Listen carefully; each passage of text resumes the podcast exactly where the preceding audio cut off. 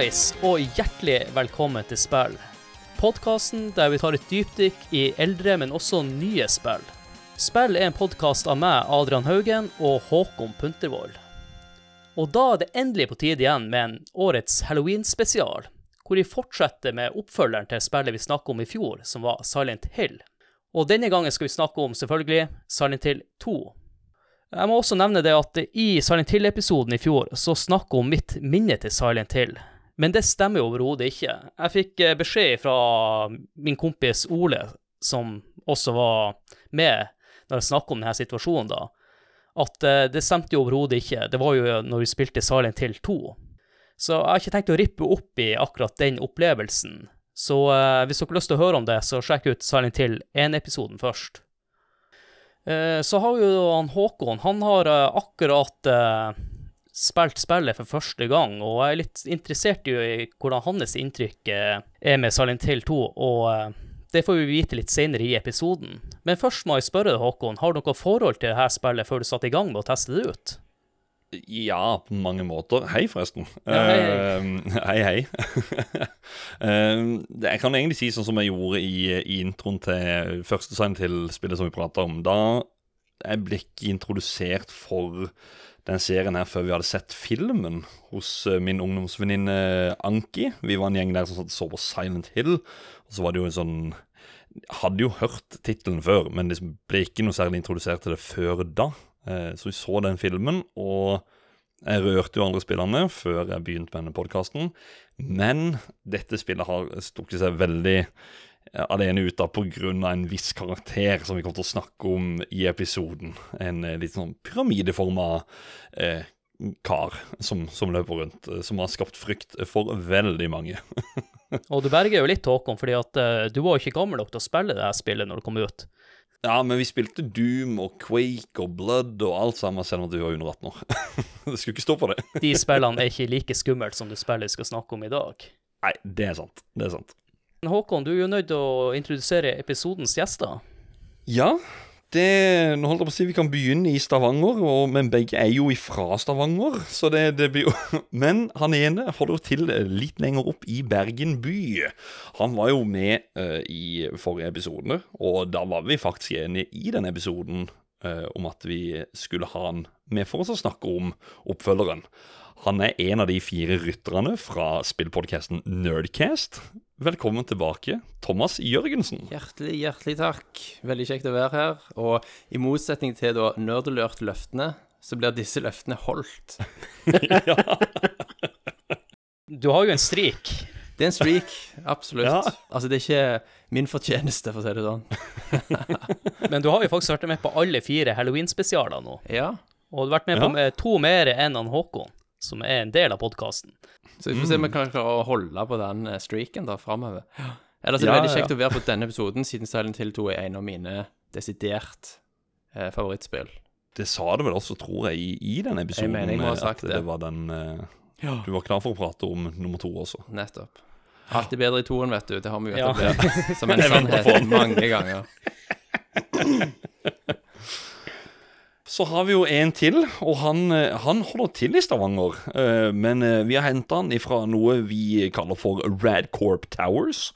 Han er et av de kjente fjes ifra podkasten Radcrew, og har faktisk i lengre tid vært en etterlengta gjest for å være med i den podkasten. Og endelig så har vi et spill som vi følte der, nå tar vi han med. Så hjertelig velkommen til oss, Are Næss Fløgstad.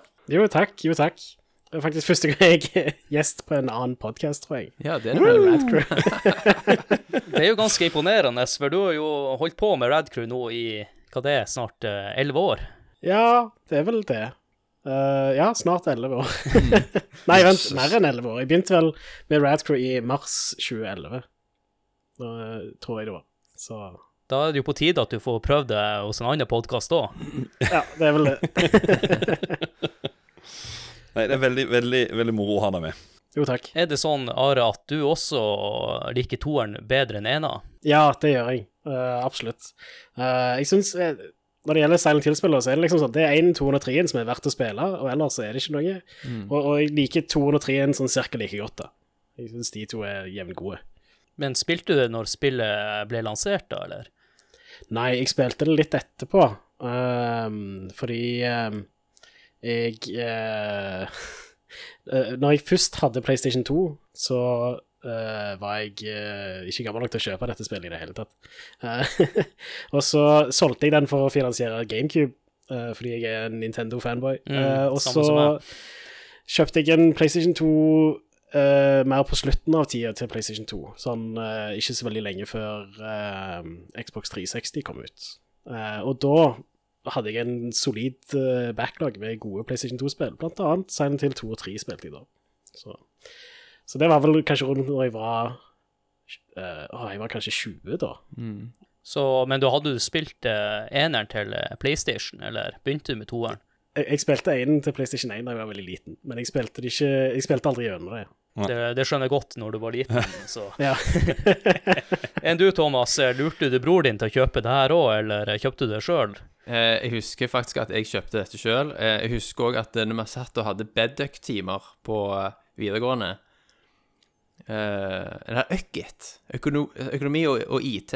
Første år på videregående. Å, sant? Så da var jo jeg Hva er du da? 16, liksom? Ja. Så satt, da hadde vi jo sånn T1-linje på skolen. Sant? Hadde Modem hjemme og T1 på skolen. Eh, og da sneik vi oss til å se spilltrailere. Og da lastet, husker jeg lasta ned traileren til Silent Hill 2 og så den i et sånn 640 ganger 320 vindu. Og var bare totalt mindblown. Sant? For grafikkhopp òg fra PS1 til PS2 er jo Altså, vi har jo aldri sett noe lignende eh, siden, sant? Eh, og etter hvor mye énen betydde for meg, så, så ble jo hypen desto større eh, når jeg så hvor bra toen kom til, til å bli, og jeg spilte det på eh, dagen det kom ut. Jeg sto opp tidlig og gikk og kjøpte det for mine hard earned cash. Eh, og det var en spesialutgave, husker jeg, med sånn making of-DVD. Ja, den, Behind ja, the scenes-DVD. Ja, stemmer. Du finner sikkert de på YouTube nå i dag, de klippene der, som òg var episke. sant? Med intervju med komponist og directorene og alt dette her. Ja, for det var sånn pappcover, dette her. Pappcover, eh, ja. Pappsliv, Svart, eller med eh, sånn- hva det var. Ja, med sånn ja, stri, strim... Sånn str strimser, hva heter det? Med liksom bare øynene til hovedpersonen. Ja. Mm, mm. Eh, så- det, jeg, bare, jeg spilte det, og jeg spilte gjennom det husker jeg første uken jeg hadde det, eh, og bare begynte på nytt igjen med en gang. Eh, men hvis hvis det er én ting som på en måte er, var negativt, ikke med spillet, men, men rett og slett med alderen min Jeg var egentlig for ung til å fatte så mye sant, av symbolikk og tematikk, og se på en måte bak figurene og skjønne hva det egentlig handler om. Det var jeg for ung for. Sant? Det sliter jeg til og med i dag. Ja. Jeg synes det spiller, Det har så mye til seg, egentlig. Ja, så jeg, jeg tenkte litt det du sa der, at eh, en, en, altså Ja, de på min alder som også spilte de ungdomstida, de må også vært for unge for å egentlig skjønne hva som foregår. Sant? Så Det det, var jo ingen andre spill på den tida som hadde så voksne temaer som Silent Hill 2. Det er jo Og ikke, ikke, før, og veldig, ikke før veldig lenge etter heller. Så Ja, de var jo ganske eh, forut for sin tid med tema, tematikken, da, og mm.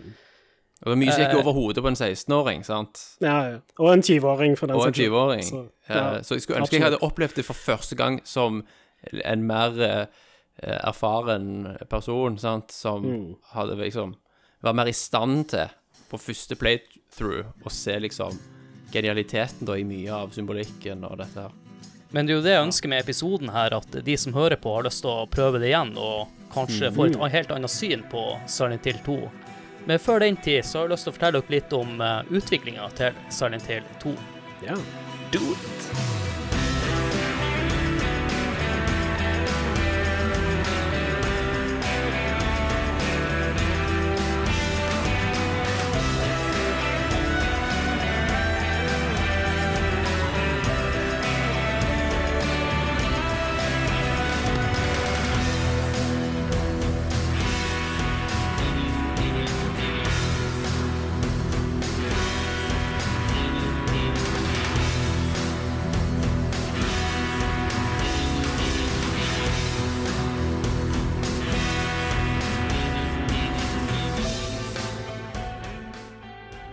Opprinnelig hadde ikke Konami noen planer for en oppfølger til Silent Hill. Og etter braksuksessen eh, Silent Hill 1 hadde, ble det ganske åpenbart eh, for selskapet at her kunne de profitere enda mer på denne suksessen. Så fire måneder etter release av Silent Hill, så satte Team Silent i gang med utviklinga av Silent Hill 2. Men det mangla jo en viktig person i Team Silent. Det var skaperen av serien, Kichihiro. Og dermed var det opp til trioen Akihiru Imamarua, Takayoshi Sato og Akira Yamaoka, som også hadde vært svært delaktige i arbeidet med forgjengeren, og nå skulle de lede prosjektet videre. De så frem til å jobbe med dette prosjektet, siden de hadde vært veldig frustrert over begrensningen til PlayStation 1 når de jobba med det forrige spillet. Og nå hadde de endelig muligheten til å implementere ting som de måtte utelate fra forrige gang. Eh, Konami igjen, de hadde gitt eh, TV en veldig kort tidsramme for å få klart spillet. Og det her medførte at de var nødt til å bestemme seg veldig raskt over hvordan plattformen skulle lage spillet til. Og de endte opp med å satse på nye konsollen eh, til PlayStation, som var rett rundt hjørnet, PlayStation 2. Og det var to grunner til dette valget. For det første så visste de altfor lite om de to andre konsollene som skulle komme ut, Xbox og GameCube. Og det andre var pga. det kommersielle, med at de allerede var involvert i PlayStation og hadde gitt ut det forrige til PlayStation. Han, eh, Takayoshi Sato hadde igjen ansvaret for character design og CG-animasjoner. Og i tillegg til det her så, så kom han opp med konseptet for settinga til spillet. Han ønska at spillet skulle spille på horror og drama.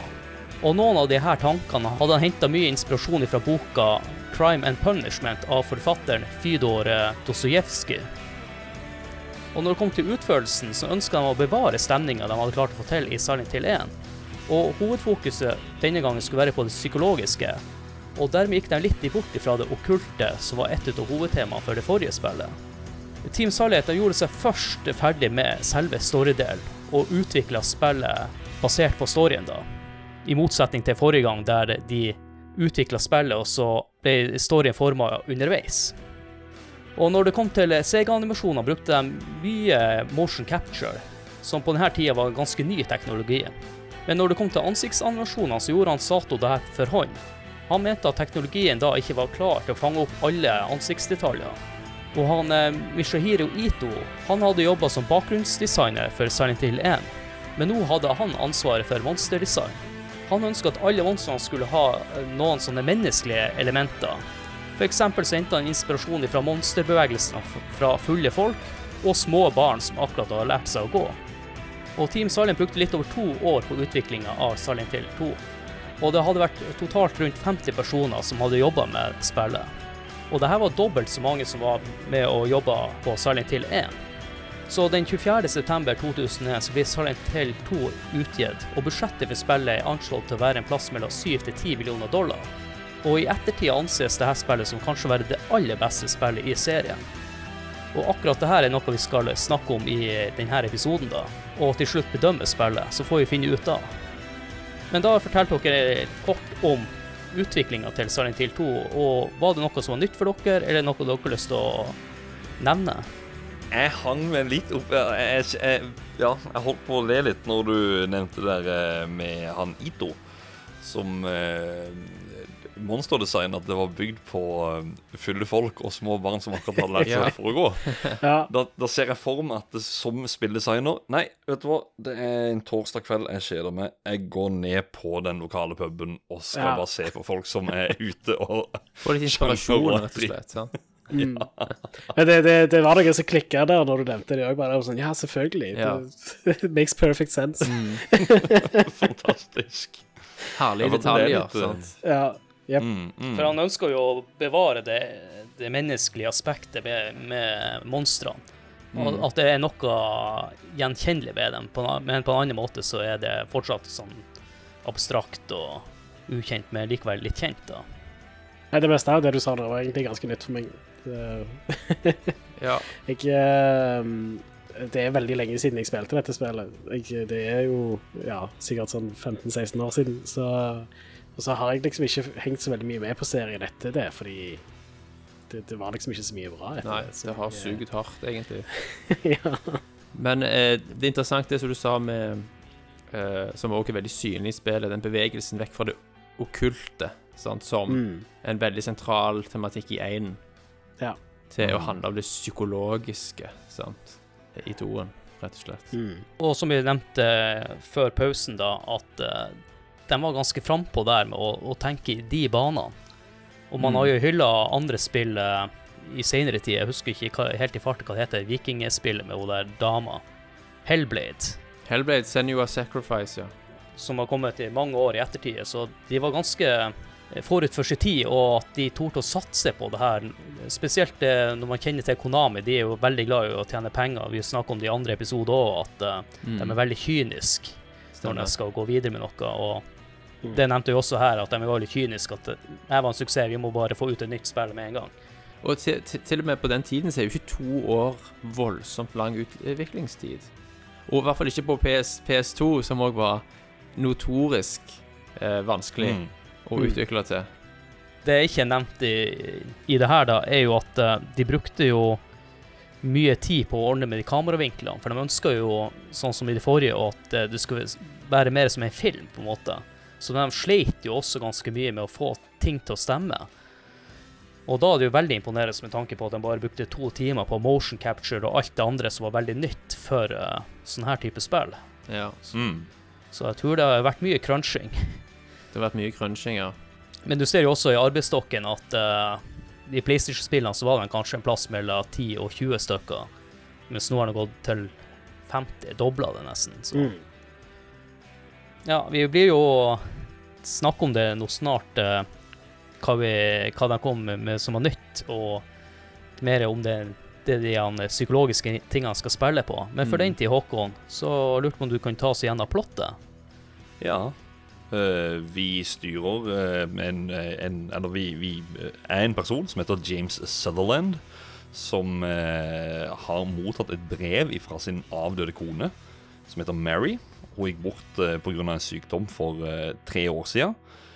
Og i det brevet der så står det at eh, hun ønsker at James skal komme til en by som heter Silent Hill, hvor hun da ønsker at de skal møtes på sin special place, eller et sånt spesielt sted, da. Eh, da er det også der James han eh, skjønner fort at dette her det kan ikke stemme, for at hun, eh, hun er død. Men eh, restless som han er, så bare stikker han oppå til Silent Hill. Og åssen det brevet er, kan vi jo høre på, for at det blir jo lest opp i spillet. In my restless dreams, I see that town, Silent Hill. You promised you'd take me there again someday, but you never did. Well, I'm alone there now, in our special place, waiting for you. Og det er da også skreven av henne. Den der unike sounden til Akira Yamaoka bare setter Ja. så sykt stemninger på det Mm. der. Det ja. Mm. Det er amazing. Og denne gangen, Håkon, så er det jo også en sånn CG-film i starten av spillet som du ikke fikk med deg i ena, for det tar jo litt tid før den kommer fram. Ja, for at greia er at hvis du starter spillet, så får du opp Konami-logoen. Men hvis, hvis du er gira og bare sånn 'Å, jeg vil spille', så kommer du rett inn på menyen, starter du spillet, og så begynner en cutscene med, med han James eh, inne på et skittent toalett. Uh, Jeg må, bare, venter- jeg må bare nevne litt, Håkon. Det skitne toalettet var faktisk det første området de lagde i spillet. Det er skittent. Bare sånn at det er sagt. og setter litt stemning med en gang. Ja. Men så er det jo da en, en sånn CG-intro som du nevner, som, som kommer opp um, som, Ja, som var populært til egentlig mange spill uh, før i tida. Uh, det første jeg kommer på, bare for å sammenligne, er Tekken. Det er en sånn CG-intro. Og det rare er det Ja. at jeg faktisk nevnte Tekken i Silent Hill 1-episoden nå. Wow! I did it again. Alltid en grunn til å nevne Tekken. Så. Ja, ja CG-en. så ja, det er en CG-introfilm. Det jeg beit meg merke i når jeg så den nå, rett før innspillinga, er jo at uh, jeg får ei sånn skikkelig sånn uh, 90-tallsnostalgi. For det er akkurat som du ser på en sånn TV-serie, der, der du ser alle i starten. Litt, litt sånn som i Steve Urkel og alt det der. At du ser bilder av alle, men du klarer ikke helt å plassere hvem er de folkene her. Og så er det jo cutscenes fra ganske seint i spillet òg. Så litt sånn rart valg. Du, du avslører ganske mye i starten. Ta og Se den introen, og så setter du på Steve Urkel-theme, sånn som Banette. Men jeg tror det kan beste jeg egentlig gjør gjøre som Håkon akkurat her, er å bare klikke seg videre. For da vet jo ikke du helt hvordan de karakterene ser ut, og når de møter dem, og Mm. ja. at du går litt blindt i det. Men det som, det som også er så rart, det, det er musikken som er der. Det er litt sånn til det spillet som, som det er. Sånn psykologisk eh, thriller, grøss og helsike. Altså, liksom den musikken og mye av det du ser der, så er det sånn Det ser jo bare ut som en dramagreie, egentlig. Men, men så Det er noe helt annet. Ja. Kinnet kan bedra Råkul det. Ja. Det første man legger merke til eh, når man starter spillet, er jo noe, en effekt som var ganske kjent i det forrige spillet. I det forrige spillet så brukte de jo tåkeeffekten til å maskere drawing distance, Mm. mens her har de valgt å spille videre på det. De har ikke tenkt å gjøre det, men det er jo også med å sette stemninga, og det er jo mye bedre tåkeeffekt denne gangen også. Ja, visst. Mm. Det er litt sånn uhyggelig start også, for i ena så våkner du opp i en kafé, og så blir du angrepet med en gang av ei sånn flygøgle. Mens her er, må du springe ganske langt, og til slutt så ender du på en sånn kirkegård, Mm. der du møter en av Angela, da. Den veien den er lang. Den er lang, den veien der. Mm. Faktisk. Men jeg har en liten, jeg har en liten fun fact om akkurat den der sekvensen. De var litt usikre sjøl om det funka å ha den så lang. De ønska at den skulle være så lang nok at eh, spilleren skulle tenke at åh, jeg orker ikke å springe tilbake igjen. Mm. Mm. Bare for å bygge opp Ja. den stemninga. Ja. Ja, riktig. Og det gjør de jo også, for det, du kommer jo inn til Silent Hill, og det er ikke action i starten. Det er jo sånn blodspor og sånn som du er nødt til å følge etter. Og til slutt så møter du den første fienden, da. Mm. Han eh, som eh, ser ut som sånn han er Ja, et eller annet i tvangstrøye. ja. Annen ting jeg har lagt merke til, sånn valg de tok. eh, Nå husker jeg ikke helt igjennom, men de blanda til CG-sekvenser med litt sånn in game cutscenes. De hopper litt frem og tilbake, som jeg syns er litt sånn interessant ting. ja. Ak akkurat, akkurat det er sånn Det var faktisk noe av det første jeg la merke til, egentlig. For at du, du møter ei som heter Angela eh, på vei nedover ifra, ifra scenen der, og det er den første scenen, da. Og den er sånn Ja, først er det CG-trailer, og så bom, så er det en spillgrafikk. altså. Det var liksom midt i samtalen. Skjønte, skjønte ikke hvorfor. ja. Det var vel et resultat av at det var ekstremt begrensa hvor mange sekunder CG de kunne rendre. Mm, mm. Sant? Så du gikk fort og over til in engine eh, cutscenes istedenfor. Ja. Syns dere at han klarte å skape denne Silent Hill-stemninga i toa også? Ja, altså jeg likte jo det der med at du skulle At du gikk så lenge i starten. Sant? Det understrekte òg avsidesliggenheten. Sant? Mm. Og, og så er det jo det symbolske med at det, sant? han går og går og går og sant? kommer nærmere og nærmere sin egen underbevissthet. Sant? Og det kommer jo enda tydeligere fram seinere i spillet, sant? når du liksom går ned i hull og den slags. Men det starter jo allerede der med at dette er en reise inn i, et, i sinnet til hovedpersonen. De velger jo en annen inngang på det spillet her enn ena. Mm. Og jeg syns den her er mye bedre, for at du- vet at det, det skal skje noe creepy greier, men det tar en stund før du faktisk opplever creepy ting. Sånn skikkelig creepy ting. De spiller på forventningen din, sant? og at den i Ja. seg sjøl holder deg on edge. sant? Mm. De trenger ikke å springe noe i trynet på deg, for det holder å skape den stemningen. Jeg synes bare, jeg må nevne det at når jeg kom ned til byen der så, ja, du, du får jo den der planka, som er, som er ditt første våpen. Mm. Og så, når du da går rundt i byen der, så har du noen biler som er parkert. Disse her som du snakker om, de som har tvangstrøye på seg. Det er noen av de som bare ligger på bakken og krabler rundt som noen biller og lager det verste lyden. nå. Altså, jeg hoppa i stolen. Ja. Jeg ble så redd. ja. Det er vel faktisk en jumpscare, det, med at det kommer plutselig sånn ut fra under en bil eller noe sånt, og så Ja. hører du ikke radioen før han, du faktisk ser han. Fordi vanligvis så hører du jo at eh, du hører sånn static på radioen når det er fiender i nærheten. Eh, men akkurat den har de liksom skripta til at du hører ikke den staticen før han hopper fram.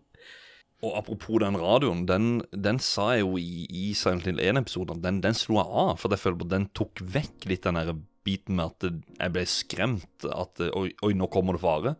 Men bare på grunn av den derre som krabba ut på undersida av bilen. Jeg bare Nei, slå på med en gang. Jeg, orker ikke mer. Men det er jo det at det, det, du har på radioen, så da føler du en viss sånn trygghet med det. Og så plutselig så kan du ikke stole på den lenger heller. Ja. Nei. så det, det er effektivt. Det er fine med her radioen du også kan innstille lyden på den. Så den trenger ikke være Ja. så intens hele tida. Jeg satte jeg den på halvt volum. Men en annen ting som jeg beit merke merke til da, at den, byen heter jo Silent Hill, men den er ikke samme byen egentlig som den første Silent Hill. De har gjort masse endringer, men eh, de har også fått mye mer detaljer i byen, så den føles jo litt mer ekte ut.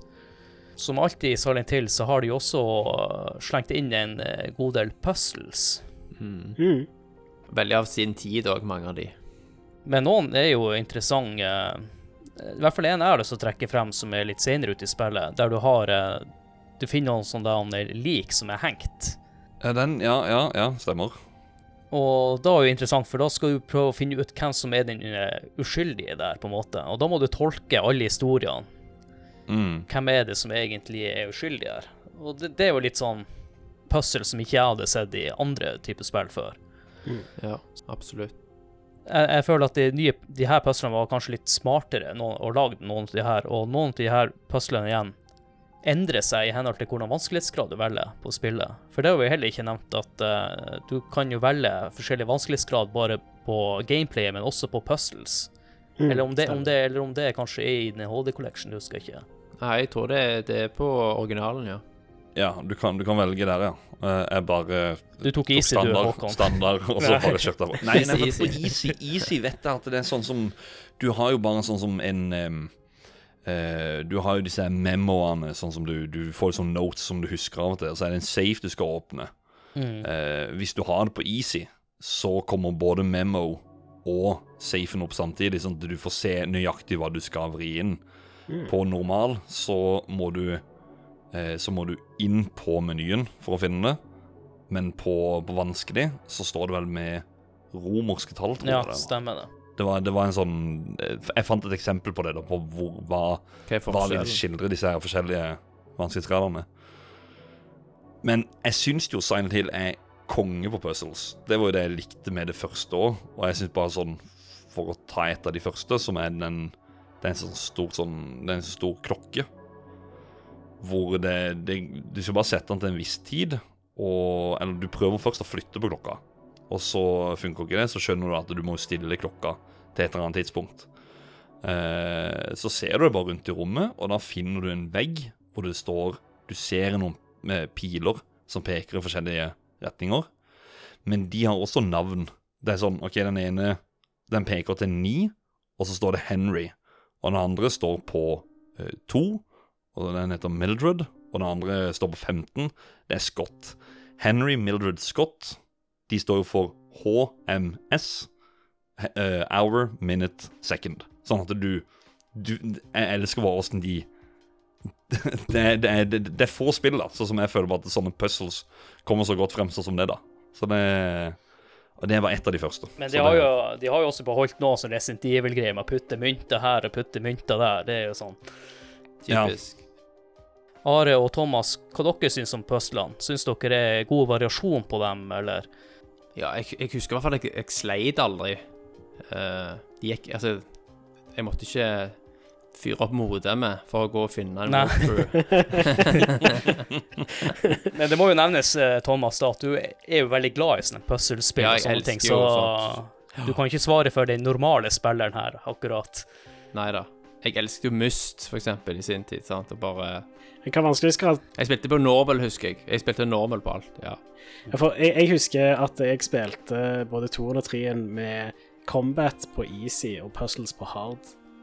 Og det Jeg kan egentlig ikke anbefale puzzles på hard, selv om det, det fører til Jeg spilte de spillene back to back, da, så jeg er litt usikker på hva det, Og det er lenge siden, så jeg er litt usikker på hva for noen som har hva for noen puzzles. Men det, i et av de spillene, når du har på hard, så må du kunne Shakespeare og sånt for å Du må ta er Shakespeare-referanser, ja. det, det er liksom ikke noe vi hadde på grunnskolen, i motsetning til de fleste amerikanere, liksom. Så Ja. det, det Men så uh, Det er et annet puzzle som jeg husker ekstremt godt. Og nå er jeg litt usikker på om det faktisk er fra toen eller treen, men det er et dikt som handler om en person som spiser ansiktet på en person. Og så bruker du det diktet til å decifre en PIN-kode på en sånn tastaturgreie. Jeg, jeg lurer på om det er om det er faktisk i det her spillet. Fantastisk puzzle som virkelig sånn har brent seg fast i hodet mitt, liksom. Det Så makaber puzzle. Ja. Ja, veldig. Det, og det er et veldig sånn uhyggelig dikt òg, hvor det liksom så beskriver at han presser tommelen inn i øyeeplet på Og da er det liksom tre på knappen. Så bra. ja, det er ganske uhyggelig og Ja. stilig. Jeg kom jo på en til som er puzzle som er litt sånn merkelig. Det er jo den heisen. Du kommer inn til et sånt talkshow. Mm. ja, stemmer. Og da må du jo svare, eller eh, den quizen der, da. Du må huske de spørsmålene, og, og så må du prøve å løse svaret med å taste inn en sånn kombinasjon, da. Så eh, jeg synes de har lyktes med en god variasjon i spillet her. Variasjon mellom det absurde sant? og makabre og utfordrende. Du må følge litt med i det spillet her. Du kan ikke bare sose rundt, og så løser du puzzles uten å tenke dem, og det syns jeg er ganske bra. Yeah. Men Are, du nevnte jo at du likte jo å spille på easy når det kom til combat. Eh, Hva vi synes om combaten i spillet? Nei, jeg var ikke så veldig begeistra for den. Nei, det er jo en av de svake punktene. sant? Det er combat og voice acting. sant? Men, Nei, Jeg syns voice-actingen faktisk er det, Den er uh, Den høres ikke naturlig ut, og det passer inn i spillet, på en måte. Ja. Så jeg, jeg liker voice-actingen. jeg er enig i akkurat det, at det er liksom hell i uhell, på en måte. Ja, ja. Ja, det ble bedre enn de hadde tenkt. ja. Yes. For objektivt sett så er han ikke så voldsom hot, men i, sett i sammenheng med spillet så funker det på en måte med den merkelige stilted deliverance.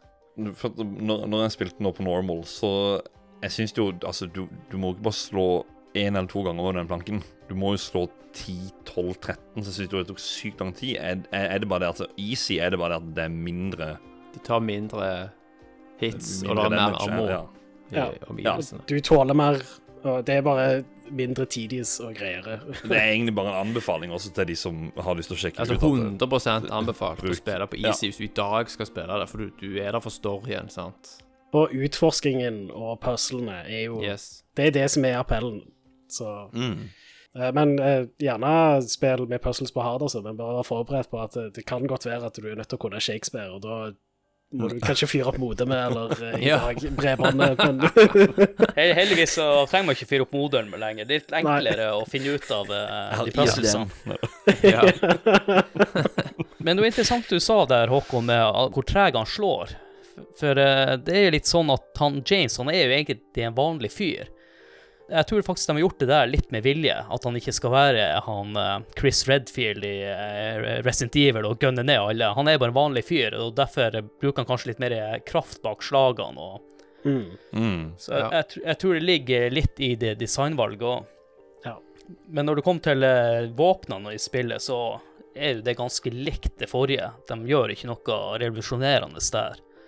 De har jo egentlig ikke fokus på combaten i like stor grad som Resident Evil, så sånn sett så synes jeg det er helt greit. Ja, altså, jeg husker òg at det faktisk eh, brukte eh, Du husker PS2-kontrolleren, sant? Den hadde jo sånn eh, eh, følsomhet for hvor hardt du trykte på knappene. Ja, stemmer. Sant? Så hvis du trykte hardt, så slo han hardere med blanken. Ah, Ah. ja. Så det er ikke sikkert du fikk det med i din, den versjonen du spilte, Håkon. Er, det, er det bare Konami som brukte de der trykkfølsomme Det var basically bare Konami, ja. Ja. Eh, det var vel òg i den der eh, The Bouncer, husker du det, på PS2? Å ja, jeg, jeg spilte aldri The Bouncer, men jeg husker spillet. Ja, det Ja. òg hadde Brukte det. Nei, for jeg bare husker I Metal Gear også, så er det jo sånn at eh, hvis du slipper Hvis du, du holder jo inne firkant eh, for å ta opp gunneren, og så slipper du den raskt for å skyte. Og hvis Yes. du slipper den forsiktig, så legger du ned pistolen igjen uten å skyte. Det hadde Så- PS2-en. Sant? Så det var jo helt Å, vilt. herregud. Vill Ja, det er på. Soul of the End også, som er et annet Ja. Konami-spill. Mm. Der eh, hadde du en sånn en, eh, Du skjøt noen sånne maski- submachine gun-kuler basically fra den Mac-en. Og vi- jo hardere du trykte inn knappen, jo mer fokusert ble kulene. Eller den s- mindre spread ble det. Å ja. Ja. Eh, så Dæven. ja, Konami brukte det der, og jeg kom ikke på noen andre spill som brukte det. Så, Jeg visste ikke at det fantes, så Og de, dit, ja, og de ditcha jo alt dette på PS3, sant? nei, nei, PlayStation 3 òg har trykkfølsomme Ja, knapper. hadde han det? Ja, det er PlayStation 4 hvor de Ja, det ditcher da de ditcha det, ja. Så hvis du spiller um, eh, HD Collection på PlayStation 3, så bør du fortsatt ha Metal Gear har i hvert fall eh, den HD Collection har eh, de trykkfølsomme knappene med DualShock 3. Stemmer. Nå går jeg veldig vekk ifra både Konami og alt sammen, men Street Fighter hadde jo faktisk det første Street Fighter. Da de stikker, så hadde de kicks og, og, og punch på hvor hardt det slo på knappen. ja, nice. Men tilbake igjen til Silent Hill. Ja. Vi har jo vært innom eh, voice-actinga, men eh, vi var jo toucha litt inne på musikken, og synes vi at de klarer å lage ei god stemning i spillet med denne musikken? Ja, absolutt. 100 Ja, Det er noe av det beste du noen gang har hørt i et spill. Ja. Ja, altså, altså Om det er en god stemning, det vet jeg ikke, men en grusom stemning, ja. Oppnå i hvert fall målet med stemningen de vil oppnå. Ja, det er jo av og til litt, litt sånn god stemning, for det, det er jo litt sånn rolig musikk også i det her eh, spillet, som er litt sånn spesielt. Ja. Ja. ja.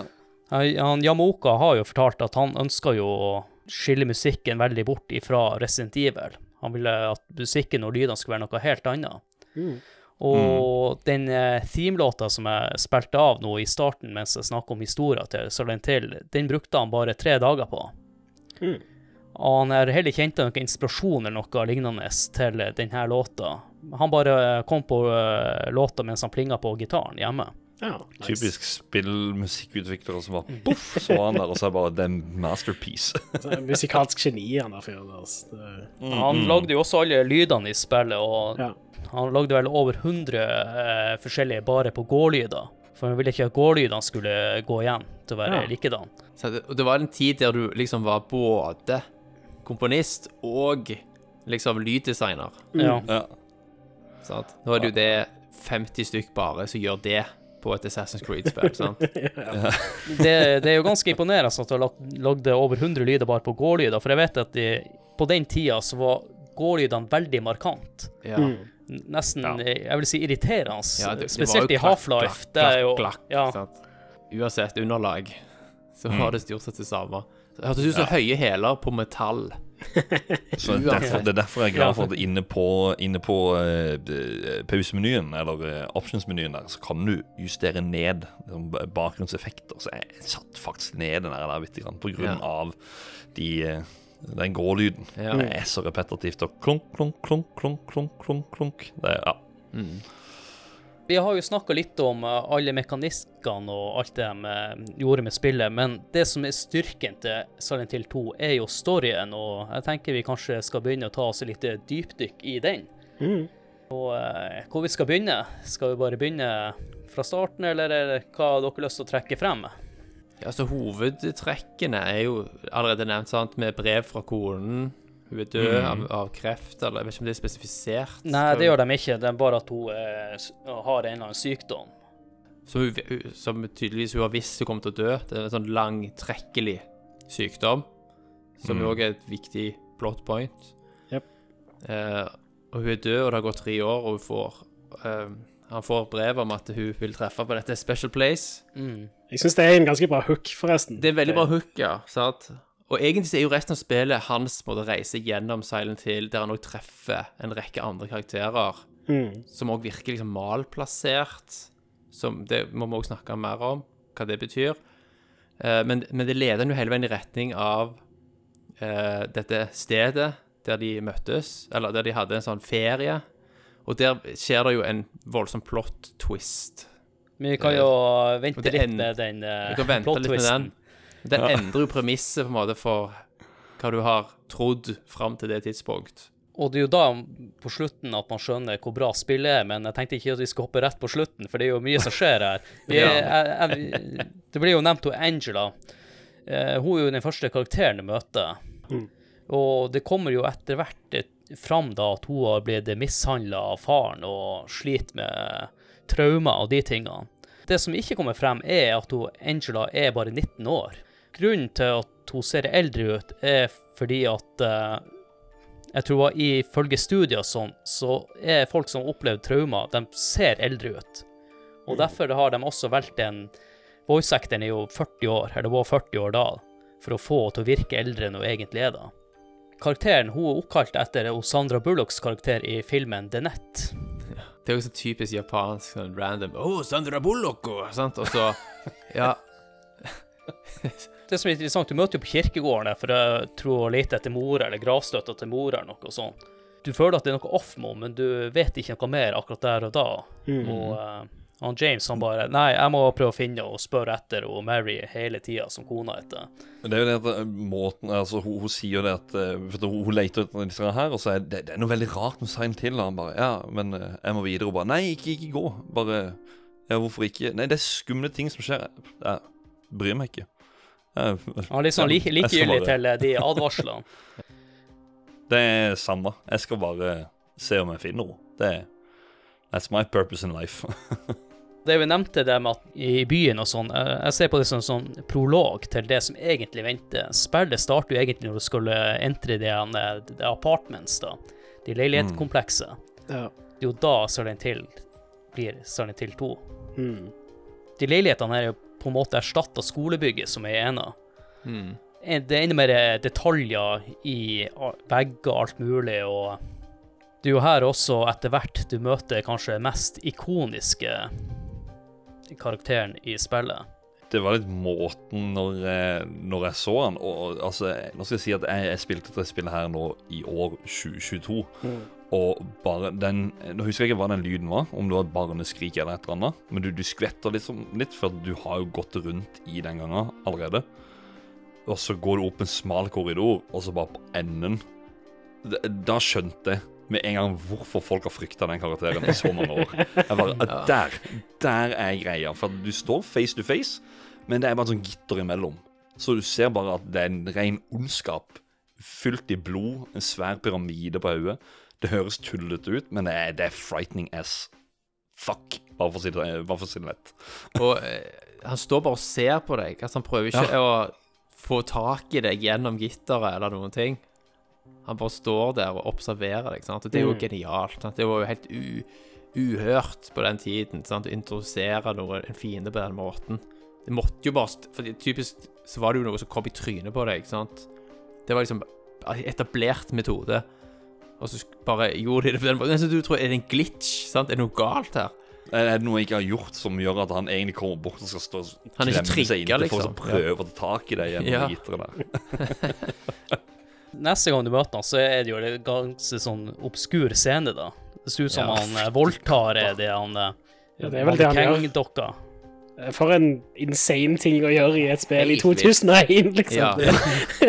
Altså, pyramide Pyramid Head står liksom og, og basically voldtar ja, andre karakterer, altså andre Ja, monster, ja. monster, sant? Disse her beina som er to bein limt sammen. To Ja, kvinnebein sånn- kvinnebein som er limt sammen på to sånn- kvinnebein. ja. Ja. Så, og så vrir og, og skriker og Altså, det er, hei, det er egentlig Det har ikke vært noe så drøyt, verken før eller siden, i et spill, Nei. så vidt jeg kan huske. I hvert fall ikke sånn seksuell vold, sant, som jo er ekstremt alvorlig, mørkt tema.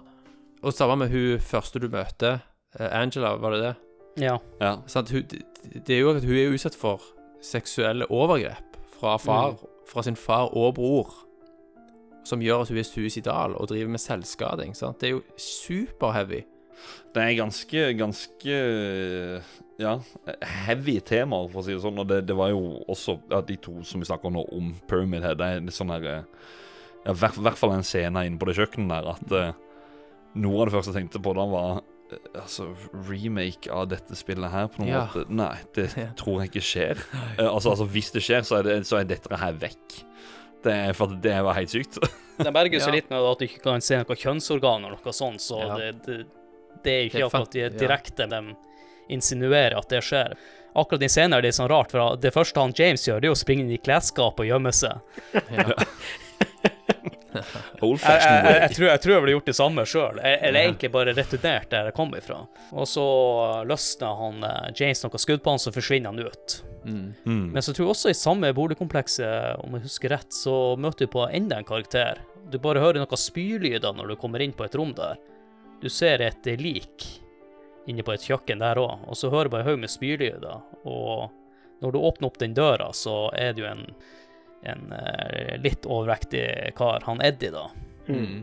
Han nekter jo for at han har drept han personen, da.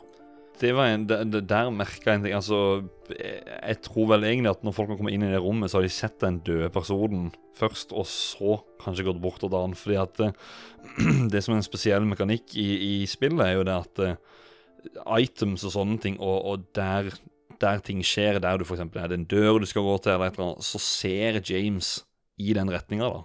Så jeg gikk jo bare rett bort, og han bare Nei, jeg gjorde ingenting av dette her. Jeg bare Hæ, ikke gjorde noen ting. Hva da for noe? Drepte noen? Hva, hva, hva er det du snakker om? Og så så jeg på kjøkkenet etterpå. Å ja, oi. Ops. Der, der hadde det skjedd ting. Det viser seg at han sliter med ettervirkning av det å bli mobba. Ja. Og han er jo for tida hjemmeløs, og så egentlig Eller han har for noen tiltrekninger til Silent Hill, han òg. Men han har jo noe fun fact selvfølgelig om han Eddie. Han var jo først tiltenkt å være en morsom karakter, og det ligger også i navnet, for han er jo selvfølgelig oppkalt etter han Eddie Murphy. Men de valgte å beholde navnet Eddie, tross at de endra på personligheten hans.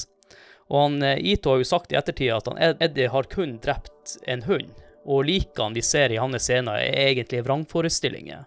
Og han nevner også at eh, i den scenen hvor han Eddie spyr, så er det ikke resultatet at han har drept en person, det er fordi at han, det er noe han påfører seg sjøl. At det er òg en form for selvskading. Ja.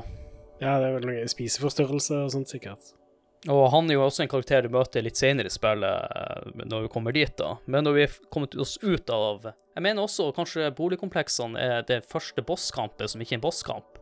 For litt senere så skal du jo Da møter du jo du og han Pyramid Head. Og det eneste du trenger å gjøre, det er å egentlig unngå han helt til Ja. du hører en alarm. Og Mm. den alarmen er første og siste gang du hører i det her spillet.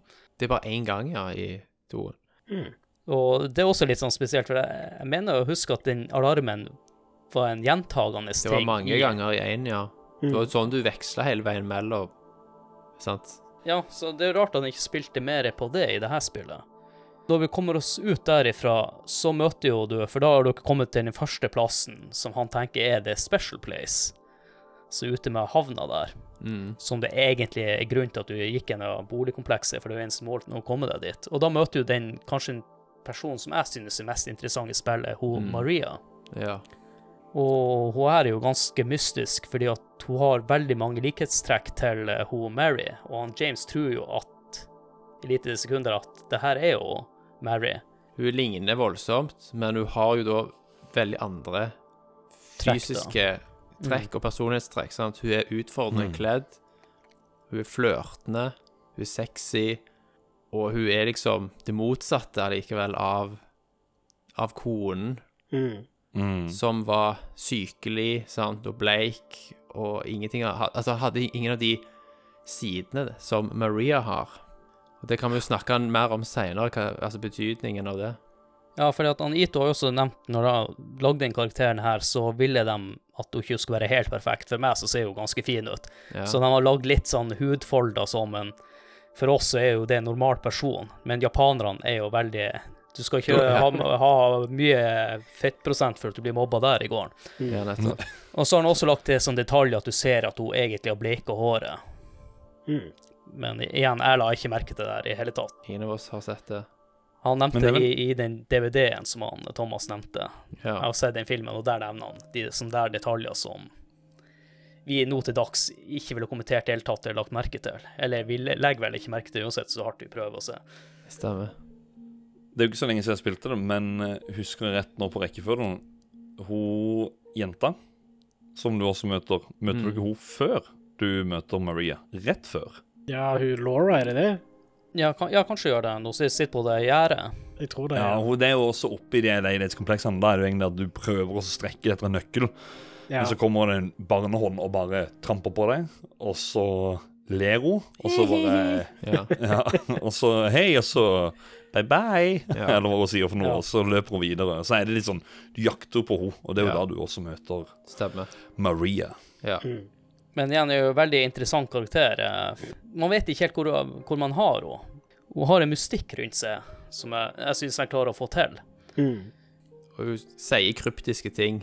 Og Av og til så vil hun verken avkrefte eller eh, bekrefte at hun er jo Mary, og Ja. hun sier ting hun Mary har sagt, og Mm. det fucker rett og slett med, med hodet til både han James og til spilleren. Ja. Og det syns jeg de får veldig bra til i det spillet her. Du må jo ha henne på slep også ei god stund. Hun blir jo en sånn NPC på, på lik linje, eller like irriterende som eh, hvis det er noen husker i GTA, hvor du skulle eh, eskortere en person fra der til der, eller et eller annet, så eh, dør den personen, mission failed. Samme er det her. Dør, altså, hun kan bli skada. Dør hun, game over. Klassisk eh, eskorte eh, Liksom mekanikker fra tidlig Ja. 2000, og egentlig ganske lenge etterpå òg. Mm. Langt ut i 360 òg, så var det jo sånne. Men de har gjort det noen bra detaljer, jeg må bare nevne det, er at inni rommet og sånn, så plasserer hun seg sånn at hun ikke står i veien. Som ikke så mange andre spill klarte på den tida. Greia er i hvert fall at du, hun blir med til, sykehuset, og der er jo creepy as fuck. Å ja, sykehus. Takk. Ja, det var jo også Altså, sykehuset sykehus er jo creepy nok til vanlig, Ja. liksom. Ja. det er ikke en plass du vil være. Uansett. I hvert fall ikke her. Og det er jo egentlig på sykehuset her den storyen kom frem, der eh, jeg og Olan Øystein da satt og spilte det. For storebroren hans, han hadde jo kjøpt Silent Hill 2 når det kom ut. Og storebroren var en kar som når han kjøpte spillet, så satt han og spilte til han klarte det. Han gikk ikke ut av rommet noe som helst. Jeg vet ikke om han var på toalettet. Men vi skulle bare inn på en save han hadde, og da var jeg inne på sykehuset. Og det tok ikke lange tida før vi møtte to som sykepleiere, og da fikk jeg jo hjerteattakk, hele gjengen. Og jeg tror ikke han Øystein har rørt spillet sida, for jeg jeg og Ole torde ikke spille, så han Øystein måtte spille det. Ja. Og eh, jeg tror det er første og siste bind han har fra det spillet. Men de, de sykepleierne, de eh, har jo litt lyst til å nevne, Ja. for de har jo også eh, blitt ganske ikoniske eh, i forhold til han Pyramid Head. Så Ja. går jo de også mye igjen hos cosplayere. Stemmer. Og det som er litt interessant med alle de fiendene i spillet her, de symboliserer litt det han James har gått igjennom. Sånn som sykepleierne her, de, de spiller jo på at, at de er sexy, med måte, men også at de er utrolig ekle. Og kona til han eh, James Dobbeltheten og, der. Ja. som er interessant. Sant? At de er liksom korte skjørt og sexy, sånn typisk sånn karikert sykepleieruniform, Ja. sant? Og så er de liksom samtidig forvridde monstre, og ikke minst bevegelsene deres. Det er jo òg en del av det ikoniske, er jo den der stakkato-bevegelsen. Jeg tenker bare fulle mennesker nå. jeg. Men de er helt fantastisk animert. De er veldig ikoniske, sant? Ja. Og Pyramid Head, derfor er det også så feil når de tas, tas fram i filmen. Du nevnte særlig til filmen, eh, Håkon, sant? Ja, For det, det symbolsk så har det jo ingenting der å gjøre, sant? for det er jo knytta til denne karakterens historie. Ja. Mens de bare er så kjente at de, de er jo åpenbart tatt med i filmen for gjenkj gjenkjennelighetsfaktoren, sant? Mm, stemmer. Men det blir helt feil i forhold til symbolikk, sant? Jeg husker mer smaken av vaflene enn den filmen Ja. som vi hadde på bordet den dagen. Så det, det vi, vi så den ferdig, men jeg, jeg husker ikke. Det Eneste jeg husker, var at Sean Bean spiller i filmen. Ja, ja. Ja, okay. Og dauer, selvfølgelig. Ja. Ja, selvfølgelig. Ja, Der røper du jo hele greia, Thomas. det er jo det som er tvisten med filmen. Jo, men det er Sean Bean. Det er Sean Bean. Ja. Det burde Han du, dør. alle burde forstått det. Det er jo en Silent Hill 2-film òg. Den er jo enda mer forgettable. OK, den har jeg ikke sett. Den er jo med han eh, John Snow, holdt jeg på å si. Å, Å, herregud. når kom den ut? Nei, hva tid var det? Har du ikke, visste dere ikke dette? Nei. Gud bedre. Og mens han eh, Thomas leter, så må jeg også nevne at i, på det sykehuset her, eh, Brookhaven Hospital, så er det også første gangen du opplever sånn nightmare-utgave av en plass. Ja, Der den her blir enda mer eh, skitten og creepy. Sykehuset var skitten og creepy fra før av, men det blir bare enda verre. Ja folk, folk, folk som ikke har spilt det i dag, eh, eller, eller spilt det, men er nysgjerrige Du kan sammenligne det som upside down liksom, i, i Stranger Things. Det er bare sånn det, det blir Eller det blir Nei, det- mørkere enn det. Skitnere. Det blir en annen alternativ versjon enn enn det, det vanlige som du går rundt Når du i. spiller sykehus og tenker at det kan ikke bli verre nå, så er det Ja, Ja. det kan det det. jævlig bli verre. Faktisk, faktisk. Altså, film nummer to, den heter da Silent Hill Revelation. Ja, ja. Ja, Det er med. Kit Harrington, uh, Carrie Ann Moss, oh, ja. blant annet. Og den følger løselig storyen til trien, faktisk. Okay. Heather Mason er liksom hovedpersonen, som Mm. du spiller som i trien.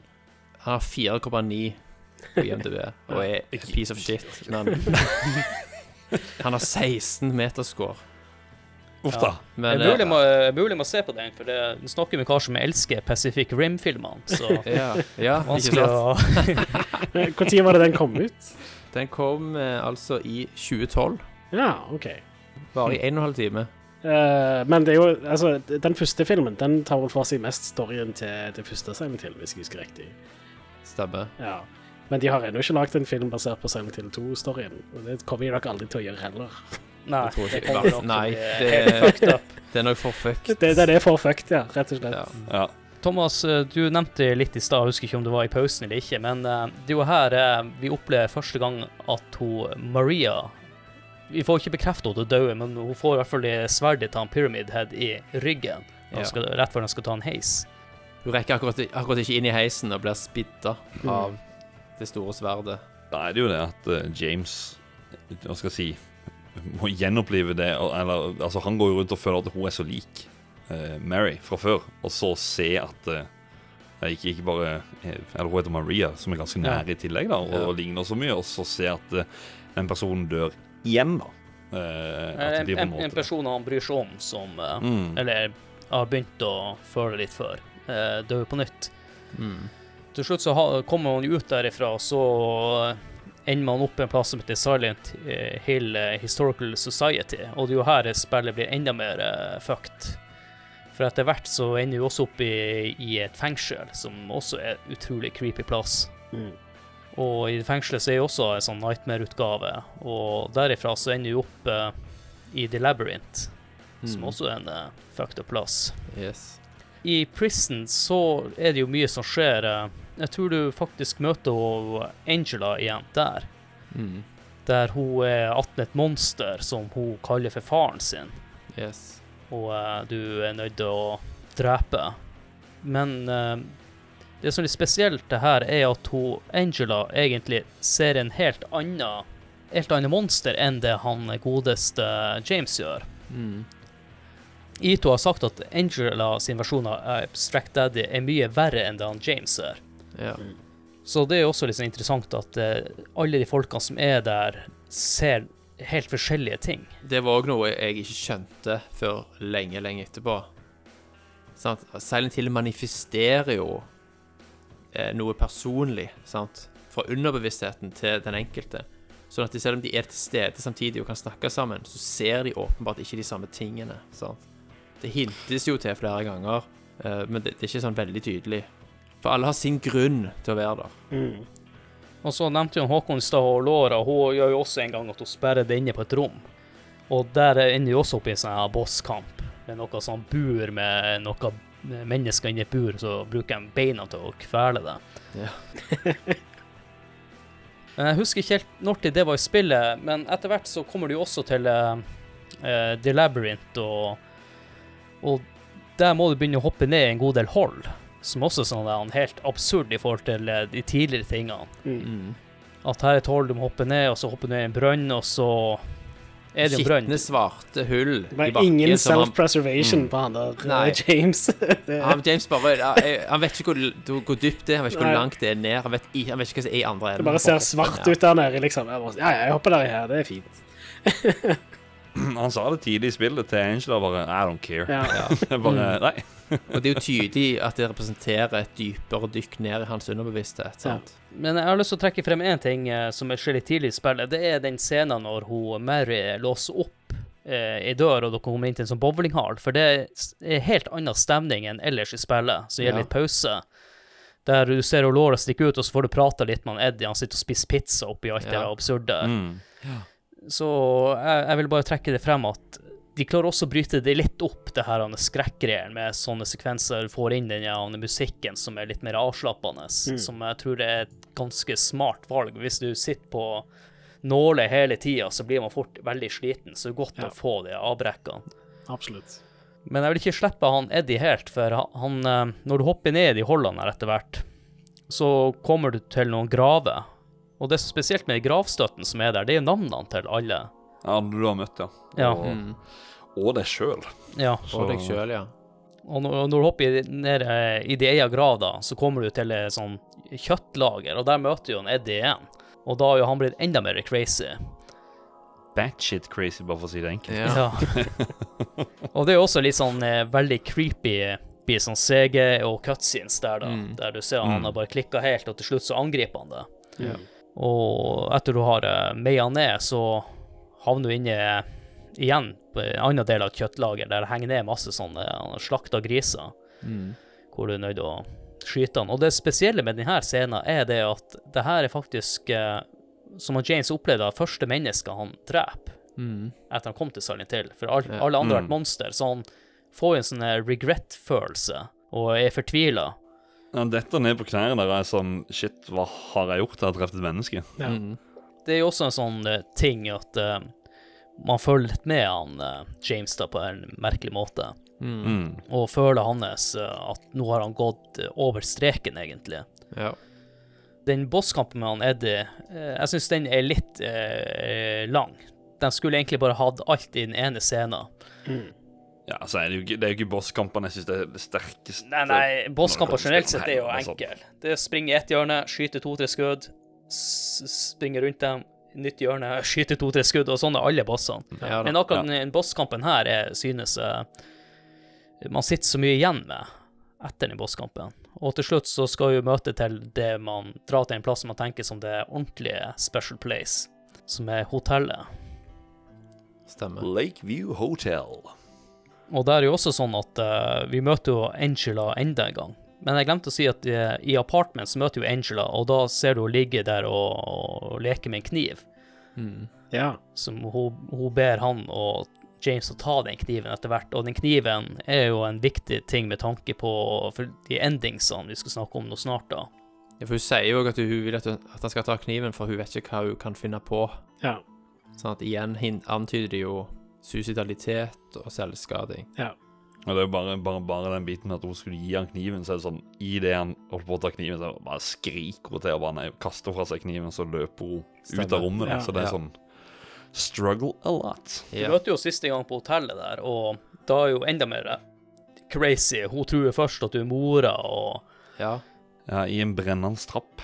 Men jeg lurer på også om det er noe symbolikk her, for jeg mener det er en av dem som ikke ser at den trappa brenner i det hele tatt. Ja, hun gjør ikke det, i hvert fall. Eller, eller så gjør han ikke det for hun.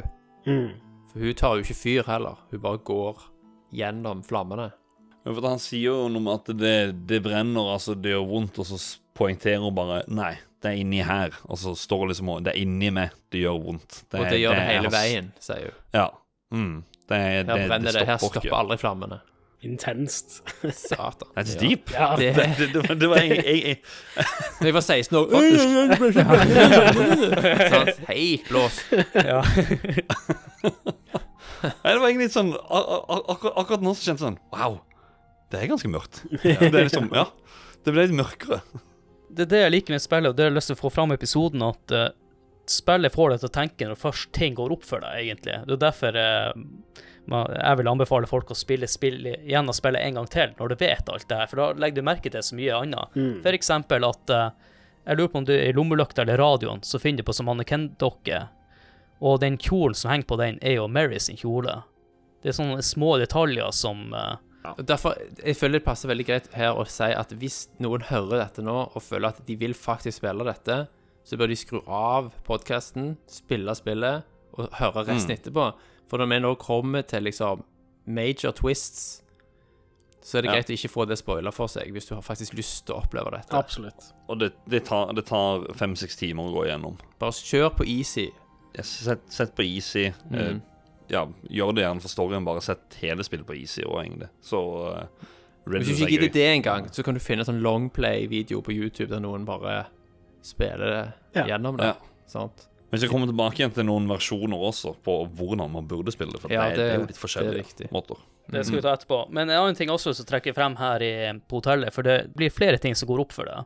Du møter også Laura nede i lobbyen, og det er også litt sånn jævlig scene, for du blir litt skremt for å sitte bak et piano, så man skvetter ja. litt til. Og der er- forklarer hun litt mer, for hun har jo nevnt at hun også har et brev fra hun Mary, som er jo interessant. Og jeg tror også det kommer frem der at hun er bare åtte år Mm. og at Ja. hun så Mary i fjor. Men det stemmer jo ikke helt, fordi at uh, hun Mary hun døde jo for tre år siden, og det her er ikke jeg helt klar å koble enda. Nei, altså, greia, greia er at hun døde for tre år siden.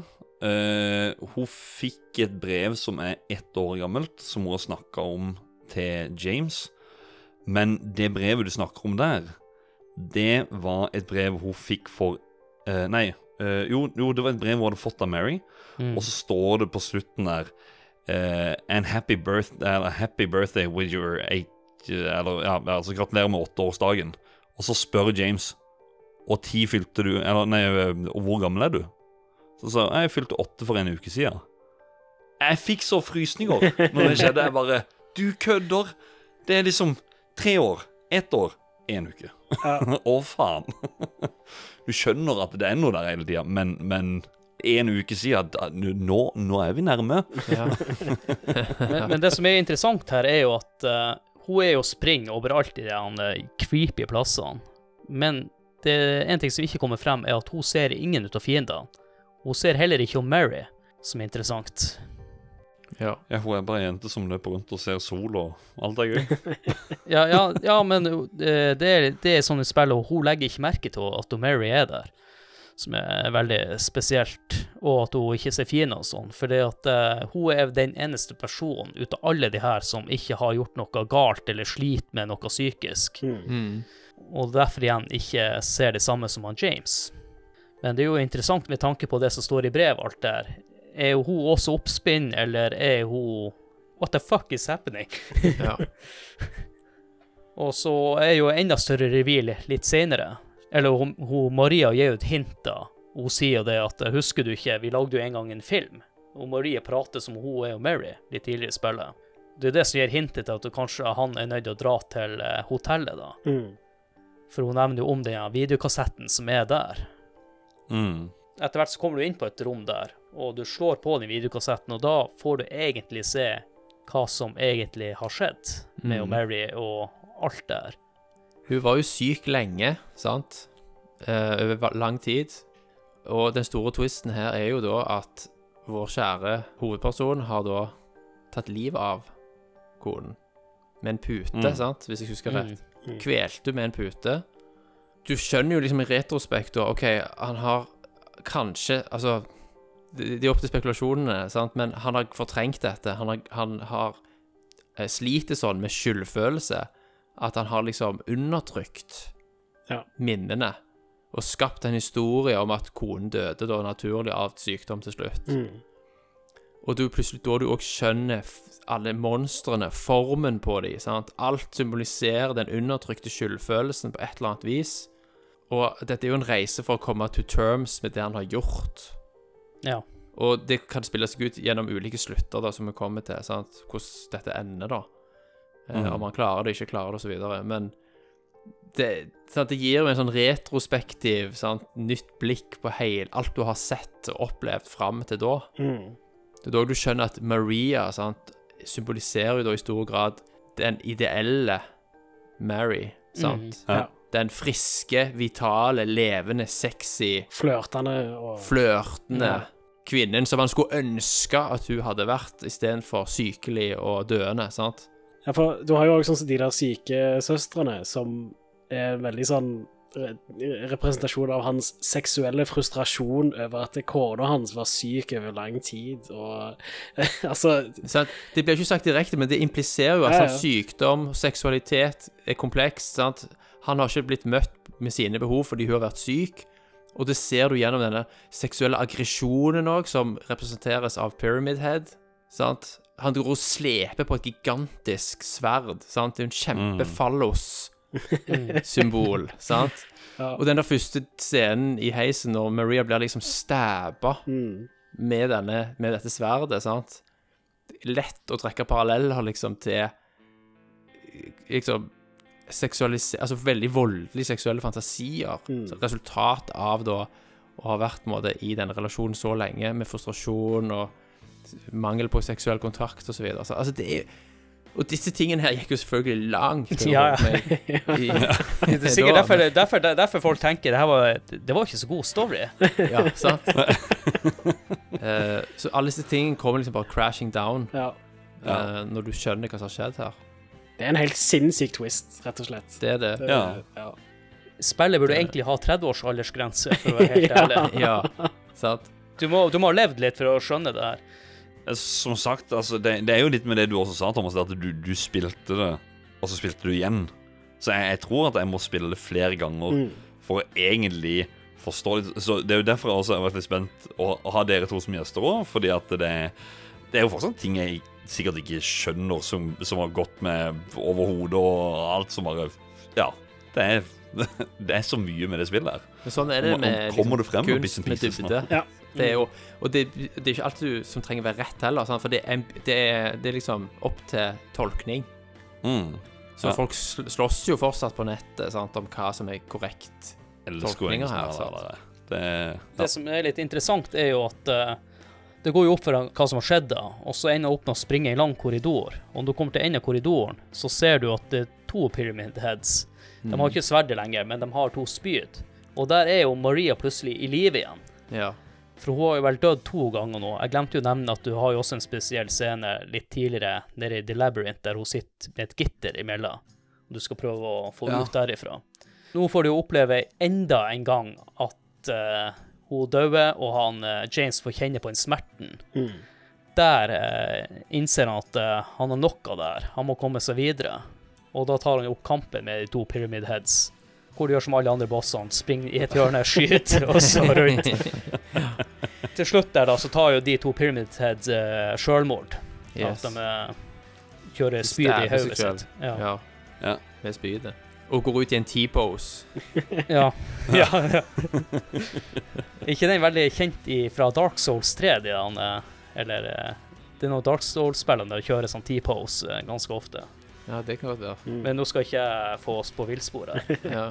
Men det er jo fortsatt eh, Etter den scenen der han innser at uh, nå, jeg må ta tak i meg sjøl, jeg er nødt til å komme meg videre fra det her Mm. driten, så ender du opp uh, Jeg vet ikke, oppe på i den øverste etasjen, noe sånt. Og der ser du Mary.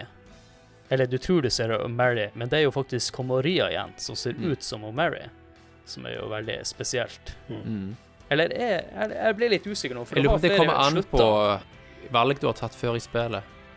Ja. Hvilken Sånn det. ansiktsmodell det er. Sant? Det kan være begge deler. kan vi nevne bosskampen, at det blir om til en slags eh, ond nonne som henger opp ned i et sånt bur. De er veldig glad i å ha folk seng. i bur. Det, det ja. er i seng. Ja. Altså, ja, det er i seng, ja. Stemmer. sykesengen. Ja. Som bare da er Mm. strippa ned til sant, metalldelene. Mm. Også i en boks, eller ja, som svever også. Ja. Ja. Jeg har jo litt lyst til å nevne kriterier, for eh, vi nevner jo at det, er jo mange slutter. Eh, Ja. Måten de har gjort det på, er at eh, de har bygd opp alt på et poengsystem, da.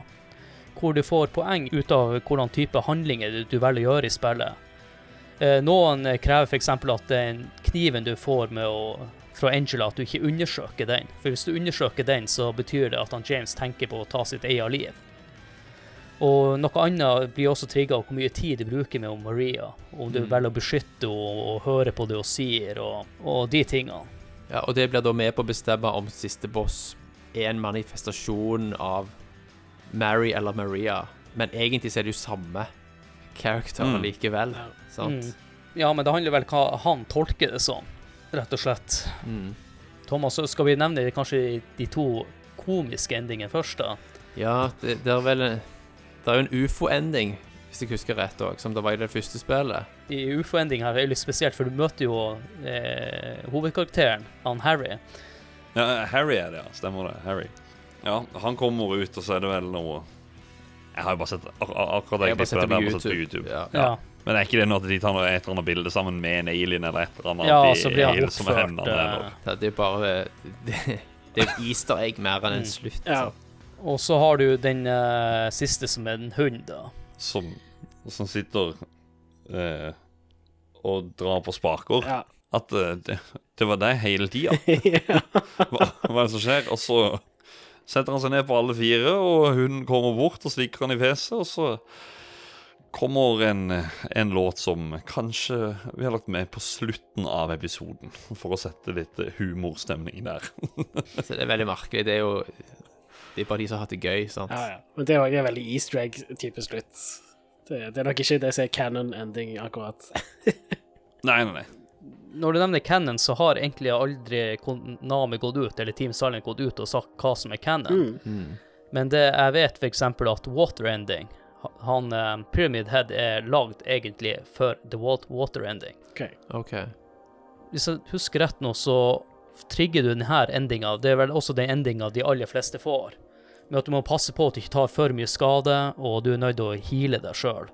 Og den endingen, er det da han går ut i Da går han og bærer på James James, og bærer på Mary. Han Ja. James går og bærer på Mary, ja. Går og bærer på henne? Og en annen ting som eh, også er en litt sånn fun fact, er at den kniven han Pyramid Head går og bærer på, det er faktisk en oversized uh, versjon av kniven som Angela har. Å ja. Bare en sp- en sprite-fix. Ja. Ja. Det er samme modellen, ja. For i Water Ending er det ikke der han også velger å ta livet av seg sjøl, på en måte. At han, Jo, du har den der han Han klarer ikke å komme og leve. Han innser hva han har gjort, og uh, han kan ikke forholde seg til det og tar livet sitt. Og så har du vel den da, der han mer eller mindre adopterer hun Ja, det er livending. Ja. han, Ja, eh, livending, ja. Men for å trigge den, så må du bruke mindre tid på Maria og ja. Men det er flere endinger som, som da går ut på at han rett og slett kommer seg vekk fra Silent Hill. sant? Ja. At han forlater Silent Hill. Ja, det med hun, eh, hun Laura er jo den livending, da. Ja. At du, at du unngår å bli opphengt i og Maria, og du har lyst til å leve videre, og du tar med Ja. og, og Men du har jo forlater byen med Maria. Stemmer. Og det er det når du bruker veldig mye tid på Maria hele tida, passer på å ta lite skade og alt det der. Og så er det, en, det er jo en scene der da, når de forlater Silent Hill, at hun hoster. Ja. Som hinter til at hun òg begynner å bli syk, eller eh, Ja. At det kommer til å forfølge han videre. ja. sant? Å, for Det er jo ja. sykt bra. ja, det er konge. Hva er vår tolkning på hva som egentlig har skjedd der? Altså, de åpenbare tingene er jo det vi har snakket om, sant? Mm. Eh, Han har fortrengt dette Silent Hill manifesterer disse karakterene for å få han til å innse hva han har gjort. Pyramid Head òg, med pyramiden over hodet, er jo liksom Han er jo blind. Han ser ingenting, sant, fordi han har dette over hodet, som òg symboliserer da at James er blind for hva han har gjort. Mm. Mm. Men det som er interessant, er jo det der som ble nevnt med gravstøttene. sant? Eh, En tolkning er jo at alle her egentlig er døde fra før. Ja, sant? At James tok livet sitt òg, eh, på et tidligere tidspunkt. ja og det kan havnet i jeg Silent Hill. Jeg kjøper ikke den helt, for jeg tolker Silent Hill som et fysisk sted. Ja. sant? En eh, interessant ting er der at eh, eh, det brevet til han James, det han mottok, er egentlig bare en, noe han oppspinner fra han sjøl. Han har aldri fått det brevet. Stemmer. Det forsvinner jo fra inventoryen din òg, sant. ja, ja. Men det med, bare for å fullføre det med gravsteinene, det- det kan òg være et frampek sant, for alle karakterene. At de kommer til å dø. sant? Det trenger ikke bety at de har dødd. sant? Ja, for han Eddie, han døde jo, for eksempel, og I, han eh, ja, på senere tidspunkt. sant? Og hun Angela får du vel heller ikke noe inntrykk om hun dør eller ikke, og vi vet at Maria har dødd jo tusen ganger. Ja, hun Ja. dør gang på gang, ja. Men hun er mer en manifestasjon. Altså, hun er jo ikke en faktisk person som er der, sånn som de andre er. Eller vi vet jo ikke helt om de andre er, er ekte heller. Det er jo det som er så vanskelig. Det er åpent for tolkning. Men en annen interessant ting er jo f.eks. noen ganger i spillet, sånn som når du kommer til hotellet, så virker jo hotellet ganske intakt. Og det tyder jo også på at han eh, James begynner å bli litt mer klar over hva er det som egentlig foregår. Så hver gang han ikke er i en eh, Jeg vet ikke om det blir feil å kanskje bruke ordet psykose, men når han kvikner, kommer til seg sjøl, så ser han egentlig hvordan Silent Hill ser ut, da. Og så går jo det bort igjen, og så blir alt helt jævlig igjen. Det, det er tydelig at Silent Hill er jo en slags metafor for skjærsild, sant, og disse tingene her. Jeg syns det er interessant at man sitter her fortsatt og lurer på Laura, er jo hun en levende person, eller er hun bare en, et spøkelse, eller er det bare noe han ser, eller er alle noe han ser, eller Det er små hint gjennom dialog og tekst og sånn som peker i den ene og andre retning sant, på alt dette her. Alle disse tolkningsmulighetene. Ja. Det er jo bevisst, selvfølgelig. ja, det er ganske stilig. Men er det mange spill eh, før det her som klarte å få folk til å tenke så mye? Det var ikke så mange spill som hadde sånn dybde, og som krevde så mange lag sant, av analyse for å komme til bunns. Er det noen spill i ettertid som har klart å gjøre det så bra, med tanke på at du må faktisk må bruke hodet og tenke? Spillet er jo genialt på måten at eh, det du oppfatter, Thomas, er kanskje ikke samme som jeg oppfatter Stemmer. av eh, hva som egentlig foregår. Og det har ikke jeg opplevd før, for eh, det er jo liksom jeg snakka med han Håkon etter gikk den første gjennomspillinga. Så det er lett å tenke at det her var jo litt sånn platt story. Hva er, hva er greia? Mm. Så det er jo Stemmer. bra du nevnte det, Thomas, at en 16-åring har ingenting med Silent Hill 2 å gjøre Nei. det kommer til å spille det. Overhodet ikke. Du trenger litt mer uh, livserfaring. livserfaring. Og følge godt med i norsktimene sant? med diktanalyse og sånn. Det er viktig. Mm. Du, når du lurte på hvorfor i helvete skal jeg lære å analysere liksom, litteratur og dikt og sånn Ja, der, derfor. Ja, Forsegle til to. 2. Silent Spesifikt. Hill 2. lærer. Du, du faktisk, vi, har, vi, har, vi, vi, vet jo om, om en som er lærer, som er lytter også, så, så bruk det. Bruk det. Altså, Ja, for all del. For sist når 16-åring til å spille dette? til to 2. Så at når kids liksom gir blanke faen i å liksom analysere liksom på gjengrodde stier og sånne ting, sant? Hamsun og, og den slags, så trekk fram Silent Hill 2, møt kidsa på deres arena, sant? Selv om litt av tematikken her er jo kanskje litt heavy, da. Og En smule. en Sjølskade og eh, incest selvmord og selvmord. Ja. Men det er jo det kidsa sliter med i dag, da. Så det er veldig Det er jo det. aktuelt. Absolutt. Det er jo et aktuelt tema, holder på å si, i, i disse ja, Og nå har vi jo Ja. nevnt at vi ønsker at eh, hvis dere bare spilte igjen én gang, gjerne spill det igjen på nytt. Og Håkon, hvordan versjoner bør folk spille Silent Hill 2? Eller hvordan versjon og hvordan plattform? Personlig så tror jeg så, eh, jeg, har, jeg, har sett på de litt sånn forskjellige, bare for å se De, de kom ut på Xbox og diverse, og det hadde Det er små endringer, men sånn som med tåka, sånn som du snakker om, den er dårligere i både Xbox, altså jeg mener en dårlig PC, GameCube, det vet jeg ikke, men det, er akkurat som at den er én stripe bare, istedenfor sånn som det er lag på lag på lag i, i PlayStation 2, da, som gjør den Ja, tåka er jo ganske viktig eh, for De har stemninga. strippa det veldig vekk. Og jeg må spørre deg, Thomas, siden du er jo eh, grafikkens ordstore mann. OLED, er det det som er liksom bra på, på mørke toner, eller, eller Ja på da. OLED er the shit, sant? Fordi da er hver eneste piksel sin, en egen selvstendig diode sant? som kan skru seg helt av. Så det er ikke backlighting, sånn som på LCD-paneler. Ja. Nei. Så du blir bek bekmørkt til bekmørkt, sant? Så ta en OLED, en OSSC upscaler, Ja. en original PS2 og spille, så Ja. tror jeg virkelig du er der. Hvis ikke du vil gå så mye til verks, for det koster vel sammenlagt to- 2000 kroner, tror jeg. Hvis ikke du har noen av delene, så kan du gå for Silent til 2 Enhanced Edition, som er PC-versjonen. Eh, bare en mod som er fanmade. Og jeg har ikke spilt eh, den Enhanced Edition. Eh, jeg hadde PlayStation 2. Men det er liksom Enhanced Edition er det jeg gjerne har sett hvis jeg bare søkt på spillet, så finner jeg det som gameplay, rett og slett. Og det folk bruker det for reviews. Hvis du har en CRT, så spiller du PlayStation 2-versjonen på CRT. Det, Ja, det, det det, er det er Spillet er lagt for å se bra ut på en CRT. Og det er Og peker 4-3 òg, da, sant? Ja. Så absolutt. absolutt. gjør det, hvis du har mulighet. Men det er jo ikke alle som har en CRT Ja. liggende, så det Jeg har en 14-tommer liggende i boden her. Ah, nice. Trekker fram av og til hvis det er behov. Det står en rett på siden her. Bang Olufsen MX7000. Oi, ok. Nice! Ja, ja, ja, ja. Fett. Men vi må jo også nevne at det er jo sånn HD Collection, og det som jeg mener de gjorde der, det var å fjerne all voice-actinga og spilte dem inn på nytt. Ja. Mange som mener at det er drit. Ja, det er mange som mener at det, det ble verre. Sant? Mm. Altså, det er bedre produs produsert, sant? Så det er bedre lydkvalitet, og eh, du har ikke De har liksom brukt popfilter og sånn, for det er noen plasser der det faktisk går liksom Ja. Uh, så, men det, jobben de gjør, er visst eh, ikke særlig god. Nei, fordi at eh, de første voice actorene var jo også de som var i, i motion capture. eh.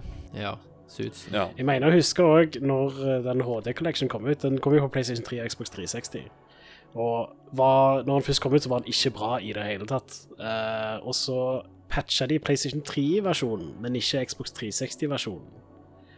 Så de forbedra PlayStation 3-versjonen. Så hvis du har valget mellom de to, da, så er det PlayStation 3-versjonen som er den du bør gå for. Men det er fortsatt bedre på PlayStation 2. Vi kan jo trygt i hvert fall anbefale alle å teste Silent Hill 2, og gjerne spille gjennom det to ganger. Mm. Så du har fått med deg alle detaljene og alt som skjer. Så, for da får du Du får egentlig et nytt spill på andre gjennomspill. Ja. Når du vet twisten, sant? Og så kan, kan, jeg, kan jeg vel også nevne, når vi snakker om versjoner av spillet Det er vel Jeg vet ikke, Kom det på PlayStation 2? Jeg vet På Xbox i hvert fall så er det en uh, Det er en sånn ekstra mission, eller en, en side story som du kan velge, som du spiller som Maria. Jeg vet ikke om det kun kom på Xbox, men uh, ja, et eller annet. det finnes i hvert fall. Så om dere har lyst på Det, jeg tror det er mer sånn en Directors Cut eller noen sånn versjon som har det. Ja. Og der er vel en link til Silent Hill 1 òg, i Ja, okay. den eh, Mm. Directors Cutten. Ja, jeg mener det stemmer, Jeg tror det stemmer, det, Thomas. Ja, og det som visstnok føles litt sånn retconned, sant? At det er bare sånn fanservice i. Det, så det er, ikke- det er ikke så veldig mye snakket om. Men nå er det i hvert fall sånn at eh, vi skal eh, bedømme Silent Hill 2, og jeg tenker at vi bare hopper over til å rate Silent Hill 2. Nå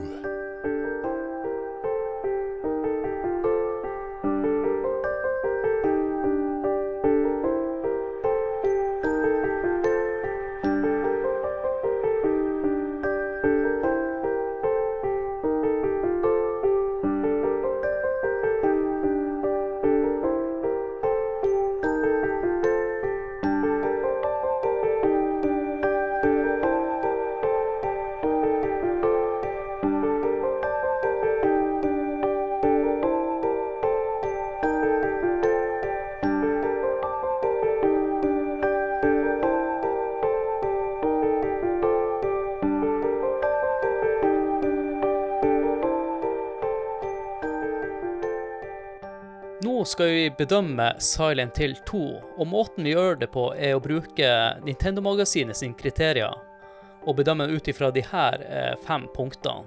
Grafikk, lyd, spillkontroll, underholdning og holdbarhet, og skalaen er fra 1 til 10 som vanlig, Håkon. Hva har du lyst til å gi Mm. grafikk? Der gir jeg åtte av ti. Eh, Jeg syns det var Altså, jeg spilte du ikke i sin tid, men jeg, jeg tror nok det var det, Jeg kjenner jo at det er et stort hopp fra PlayStation 1-spillet. Og jeg tror jeg ga mindre enn åtte der. Så det vi, vi, vi, setter, vi setter opp åtte av ti. Det er veldig fin, overkommende grafikk, altså. Tåka, det er utrolig kult. Og, ja. Men eh, du, Thomas?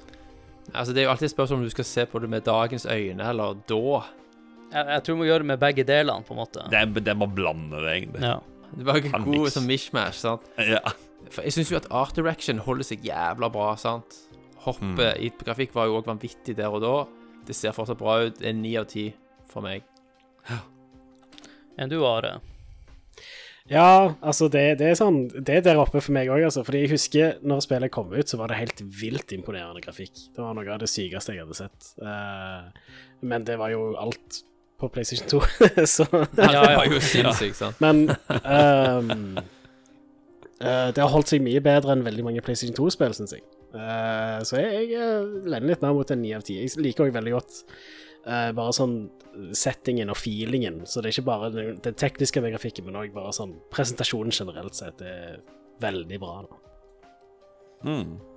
Jeg bruker å være litt sånn at uh, pikselspill bruker å holde seg veldig bra, og gamle 3D-spill bruker å holde seg dårlig. Mm.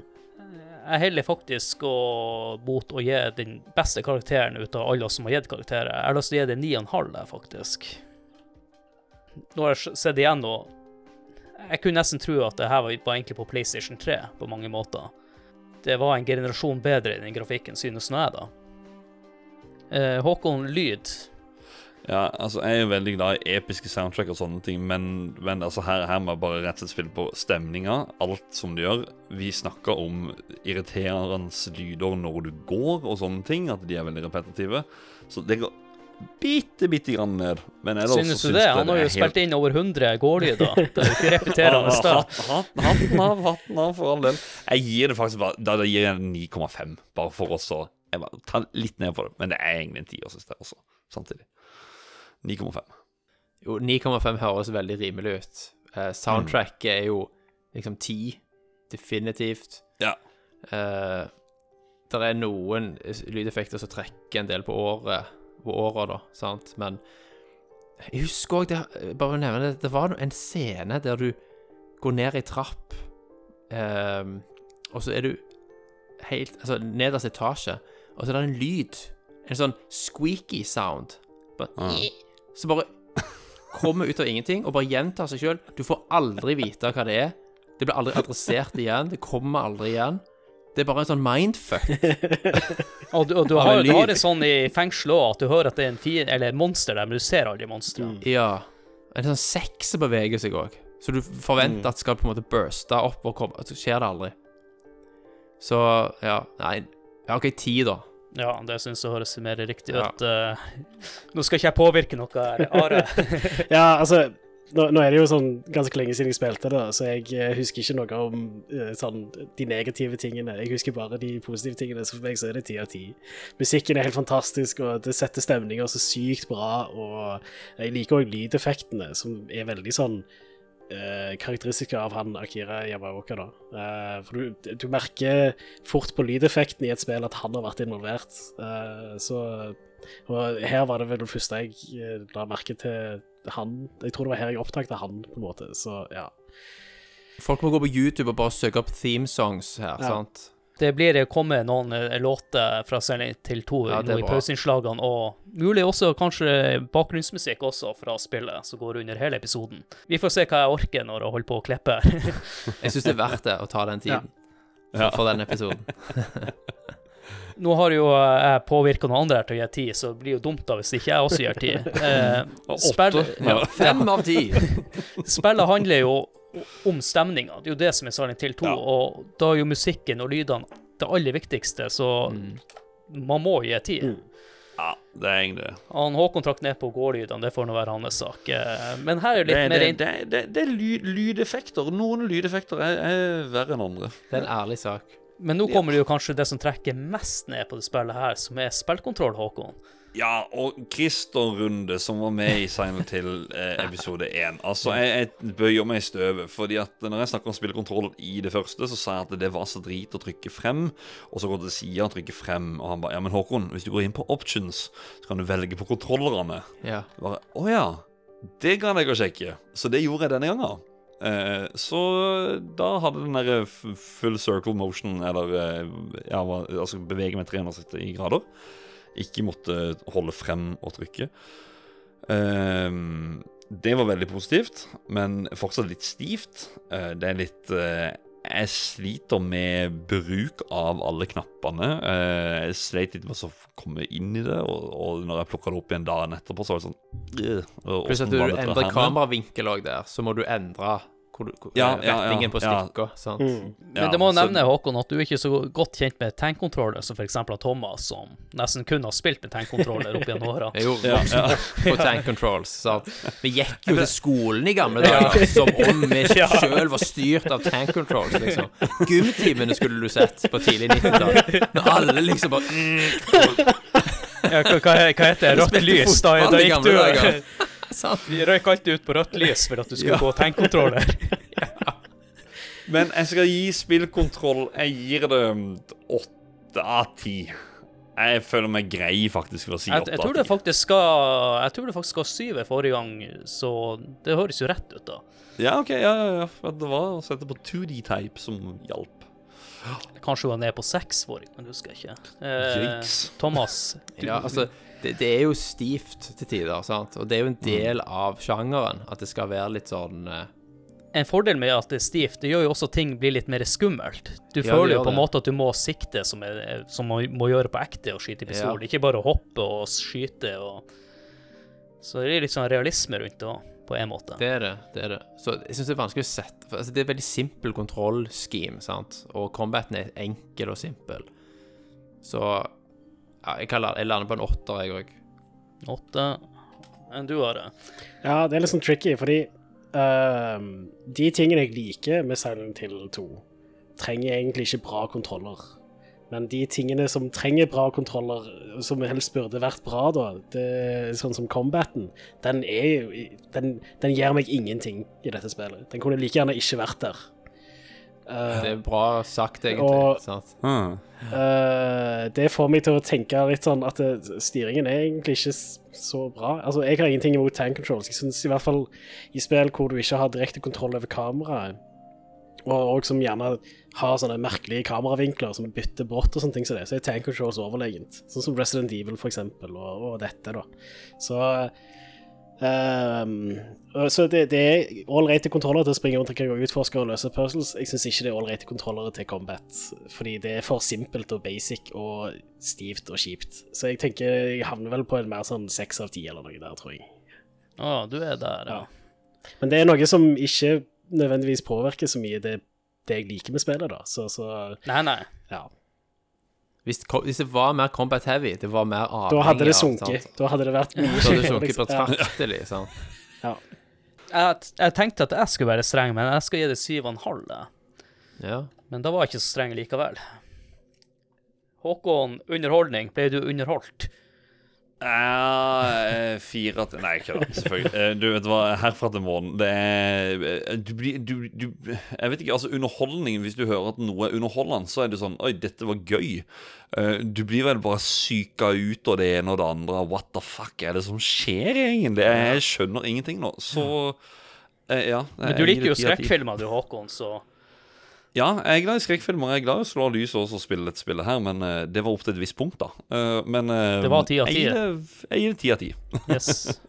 Thomas, ja, det er det letteste Ja. scoren. Det er tier, Are. uten tvil. ja, ja. Ti av ti. Ja, jeg òg. Ti av ti. Og så er det jo det siste punktet. Holdbarhet, Håkon. Syns du holdt seg? Ja, egentlig summa summarum. Altså, jeg har jo sagt det at uh, Altså, anbefalt folk å spille det, men eh, det må jo Altså Jeg har spilt PS2 på en, en CRT-skjerm, selvfølgelig, eh, men eh, noen sier også Enhanced Edition også, for at det, det gir en ekstra ting som, som kanskje hjelper å pushe det litt mer opp på holdbarheten. Um, jeg vet ikke. Uh, den er egentlig litt vanskelig her. Jeg gir den faktisk bare ni av ti. Enkelt. Bare Ja. Thomas? Altså, tematikken og alt det der, Mm. og ballsynessen, sant, i å, øh, å Spiller det så som blir bedre med åra. Ja, ikke sant? Etter hvert som verden òg blir mer fucked up, sant? så har jo bare spillet beholdt relevansen Ja. sin, sånn til de grader, sant? Så Altså, jeg, jeg er så imponert over det de turte å gjøre da, og det de fikk til da, at eh, Det er jo litt kunst. på- det er kunst. Så for meg så er det en ti, rett og slett. Enn du har? Ja, jeg er ja, enig. Det er en ti av ti. Det, er fortsatt helt utrolig relevant og kommer til å være det i lang tid framover. Så absolutt. Det her er jo en av de spillene jeg har vært utrolig morsomt å gjøre research til. Som sagt, eh, når jeg starta å gjøre research til denne episoden, så tenkte jeg at Jeg kan huske at det var litt sånn Ja. Det, det var som alle andre skrekkspill. Det, det var kjedelig i slutt, eller ting make, make ikke sense, eller noe som helst. Men her får det deg til å tenke. Mm. Og du kan gå inn på forum, du kan diskutere det her i evigheter uten egentlig å konkludere med noe som helst. Og det syns jeg er bra med Konami, at de ikke har gått ut og sagt at noe som helst er canon. Canon er det du har gjort i spillet. Så eh, med alt det her så vil jeg gi det ti av ti. Det er få spill som har fått meg til å tenke så mye etter å ha gjort en research. Og spillet nesten blir bedre når vi bare snakker om det nå i denne episoden. Ikke sant? Ja. Så uh, da har vi fått uh, rata Silent Hill 2, og uh, Are, har du lyst til å plugge podkasten du kommer fra, som er Rad Crew? Ja, hør på Radcrew. Der får du mer meg og den andre gjengen i Radcrew, som Jostein og Stian og Ja. Uh, det er en eh, Vi har holdt på siden 2011, som jeg tror jeg vi nevnte tidligere, og holder fortsatt koken gående. Så det Og dere snakker jo om spillnyheter, det som er dagsaktuelt, og snakker rundt det. Ja. Uh, det er eh, Vi pleier alltid å starte med en topp fem, og så har vi nyheter, og så er det hva vi har spilt i det siste. Så det er en sånn tried and true spillpodcast-formel som eh, funker ganske bra. Vi har jo òg litt andre podcaster òg, sånn som vi har Neon, som er litt mer sånn popkultur og ting som ikke er spill. Uh, og så dukker det av og til opp en retro-crew en gang iblant, om retrospill. Jeg må, jeg må poengtere den der, eller eh, nevne ut den der eh, topp femmen dere har. For det, det, det er så gøy. For det kan være alt fra altså, topp fem uh, skytevåpen i et spill til Ja. topp fem big box-cover til topp fem Jeg vet ikke. Altså, Altså, alt. Det jævlig Topp fem fint Star så Wars-spill. Altså, har ikke dere hatt topp fem, topp fem engang? Jeg tror ikke det. Jeg tror, jeg tror vi bare har spøkt om det. Men hvis vi har, så ja, fordi, Ja. Ja, for det krever vel for mye Jeg research det. at å lete fram. Jeg kom på noe nå. Topp fem sko det har dere, i, i, i spill. Nei, det har dere vel Det, ikke? det tror jeg ikke vi har hatt. Takk for ideen. Topp fem sneakers, Ja. liksom. Ja, det, det fungerer veldig bra som en icebreaker, så eh, det Ja, ja. dritbra. Ja, og så er det litt artig å høre på, for at det er som han er fullstendig uenig. Ja. Og det er jo bra at man klarer Ja å trigge, trigge frem litt Mm. sånne Ja, ting. Yes. Ja. Av og til er det sånn liksom, ja, Når du ikke vet hva som er nummer én, men du vet det, for det er så åpenbart, og så er det ikke Nei. Når det ikke da er med, så har det heller ikke vært nummer to, tre, fire eller fem. Det er det beste. Da blir du trigga. Ja, altså. Thomas, nå er det jo sånn at uh, vi har jo sagt det i mange episoder, eller i hvert fall alle de andre tre Halloween-spesialene våre. Du er jo med i en podkast. Ja. dere er ikke like, gir ikke ut like mange episoder nå, men det, eh, det, det må har jo vært ganske plugge den. labert den siste tiden, eh, men ja. en Nerdcast er plutselig rundt hjørnet av det, når du minst venter det. Ja, sant? Litt sånn som fiendene i Silent Hill 2. Men det, men, det, men, det, men det er rundt et langt hjørne. Rundt et langt hjørne, ja. Så du skal alle føle deg sikker. Ja. Og det, har, det hender jo at jeg dropper innom uh, Rad Yeah. Det, det er en stund siden nå, men Ja. plutselig så Bam! ja, og plutselig er du her òg. Plutselig er jeg her. Håper på neste Halloween special òg. Kanskje før, håper jo på noe før det, da, men Ja. nå er jo dette blitt en uh, tradisjon. ja, du har jo en streak uh, til, Hvis du vet det, neste år så har du vært med på fem år på rad, og det er jo imponerende i seg Det sjøl. er fett. Ja. Det, du er hjertelig velkommen. Dere er begge hjertelig velkommen tilbake igjen. Det har vært en sann glede å ha dere her, begge Takk, to. Takk det. Vi, vi må bare finne ut eh, hvordan type spill det skal være, så får jeg og Håkon diskutere. Jeg, jeg, jeg Hvis det det med engasjerer, så er jeg, stiller jeg opp. Kan, Kanskje Resident Evil 4. Jeg føler at det er snart på tide. Ja, det, Ja, det vet jeg i hvert fall Are er glad i. Ja, Eller når remaken kommer, at man eh, varmer opp. Ja. ja, Ja. varmer opp Mm. litt. Mm. God plan. Men Håkon, Ja. vi har jo en lyttespalte. Jeg skulle akkurat si vi må plugge vår egen podkast, men jeg kommer på vi har jo en lyttespalte. Den er jo ikke så lang, så vi må jo Det har bare Skal vi bare ta oss og lese opp der? Inne på, inne på spillcommunity, inne på Facebook. Ja, Normalt sett så bruker vi ha lyttespalten før vi plugger, men vi redda oss akkurat i siste liten her. Ja, det er bra. Høystein Hurlen Pedersen han skriver at eh, kan ennå ikke snakke om det. Og han Øystein der eh, var jo han Øystein som torde å ta i kontroller når vi spilte i lag det spillet. Og som sagt, han har aldri tort å se det sida. Og så har vi Ole Andreas Bensen. Han skriver bare to enkle ord. Ekte horror. Og det var den andre personen som var med i det rommet. Nettopp. Ja. Så kommer tidligere fra Mario Kart-episodene som vi hadde. Marius Haukelås. Han skriver dette spillet, dette spillet revolusjonerte konseptet, eh, konseptet stemning for min del. Ja. Storyen er ganske, er ganske ren eh, gar, garbology? Eh, Garb, garbage Gar garbage, kan vi si. Ja, garbage, ja. I dag. Men hele spillet engasjert noe voldsomt den Han har kanskje gangen da. misforstått Ja, storyen kanskje litt, det. eller ikke fått med seg alt. Theme of Laura røsker fortsatt godt eh, tak i meg på en måte bare legendarisk spillmusikk kan. Horror survival-sjangerens ultimate klassiker for min del. For å si det sånn, eh, Marius, hvis du har hørt episoden nå, så tror jeg endringer endrer meninger helt om storyen. Ja. Da, da var du vel som Thomas sa, du var sikkert 16 år og ikke skjønte damn shit. Stemmer det. stemmer Ja, Så jo bare på bildene, vet du. sant? ja, ja. Du ser ikke om det er noe bak disse bildene. Nei. Nei. Og Håkon, da skal du endelig få lov til å plugge podkasten. Yes! Tusen takk, og tusen takk for uh, lytterbidraget dere som setter inn. uh, vi samarbeider jo med et par andre podkaster under det vi kaller uh, LOL-Ink-paraplyen. Eller vi har ikke noe offisielt navn på det. Men det er i hvert fall Lolbua, Spillrevyen, Ragequit og Likos univers med gjedda. Så sjekk ut de hvis dere gidder det. Og så hvis dere vil ha noe sweet merch, sånn som en eh, Eller sweet merch med en spillogo på, som en kaffekopp, T-skjorte, you name it, så kan dere sjekke ut Spreadshirt-butikken. Og så har vi en Facebook-side, Facebook Community og Discord-gruppe som dere kan bli medlem i. Det finner dere link til i episodebeskrivelsen. Og så som alltid en enormt stor takk til Joakim Froholt, som lager artikkel om alle episodene som vi lager, inne på spillhistorie.no. Og det er nesten litt rart å si det, for det er ikke så mange episoder jeg har sagt dette her. Men vi er jo inne på Patrion også. Har begynt der. Eh, Da er det patrion.com slash lolbua. Og da har vi en egen tier som heter Nachspiel. Og der har vi en liten bonuspodkast som heter ja, Nachspiel. Hvor vi snakker litt om kanskje det dagsaktuelle, eller hva vi gamer for tida, eller bare tar for oss et eller annet tema som også er spillrelatert, men en litt mer løs prat. Ja.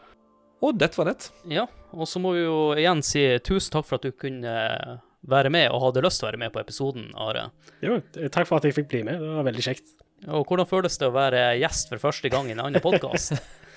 uh, ja, hei, det er et tema som jeg bryr meg veldig mye om, så det er eh, veldig kjekt å snakke om uh, og mimre om Silent Hill 2 igjen. Som er et, et spill som jeg husker overraskende mye av, selv om det er sånn 15-16 år siden jeg spilte det. så Ja. Ja, ja ikke sant. Ja. Du fikk nok eh, forfriska minnene godt Ja. nå, regner jeg med, mens vi prater her, så.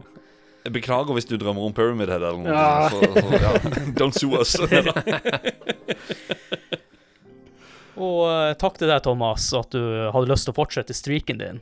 Yes, nei, bare kjekt. Eh, håper på noe mer eh, deltakelse framover òg. Ja, så du har sånn ordna sånn egen i kalender nå, at eh, når du nærmer september, så blir du å ta kontakt med oss for at eh, du skal være med på episoden. Ja, hvis det ligger i outlooken min, så Ja. øker sannsynligheten for at eh, jeg kan. Yes, da, det var artig å ha deg med igjen. eh. Og Håkon, det var jo artig at du også er med på denne Halloween-spesialen. Ja, og det var moro å ha denne episoden her sammen med deg. Ja. Og, eller dere. Og så Ja. Det var kult Håkon, at du faktisk hadde spilt det nettopp. mm. Det, var, det gjorde, en, gjorde det enda mer interessant, og at du faktisk hadde det ferskt. Ja, en, en litt hektisk hverdag uh, per nå, så, så det er liksom sånn detaljer som kanskje kan ha glippet litt forbi, men jeg syns det også har vært interessant å høre fra dere også, sånn at eh, det, det er med å bare bygge på litt. Sånn at eh, Ja. Det man kanskje ikke har fått med seg, så er Øy, vent nå. Og så håper jeg at folk sjekker ut det spillet her. da. Absolutt. Mm. Og da gjenstår det bare for meg å si tusen takk for at du hadde lyst til å høre på denne episoden, og vi håper dere har lyst til å høre på flere spilleepisoder. Og med det så sier jeg ha det. Hei det. Ha det.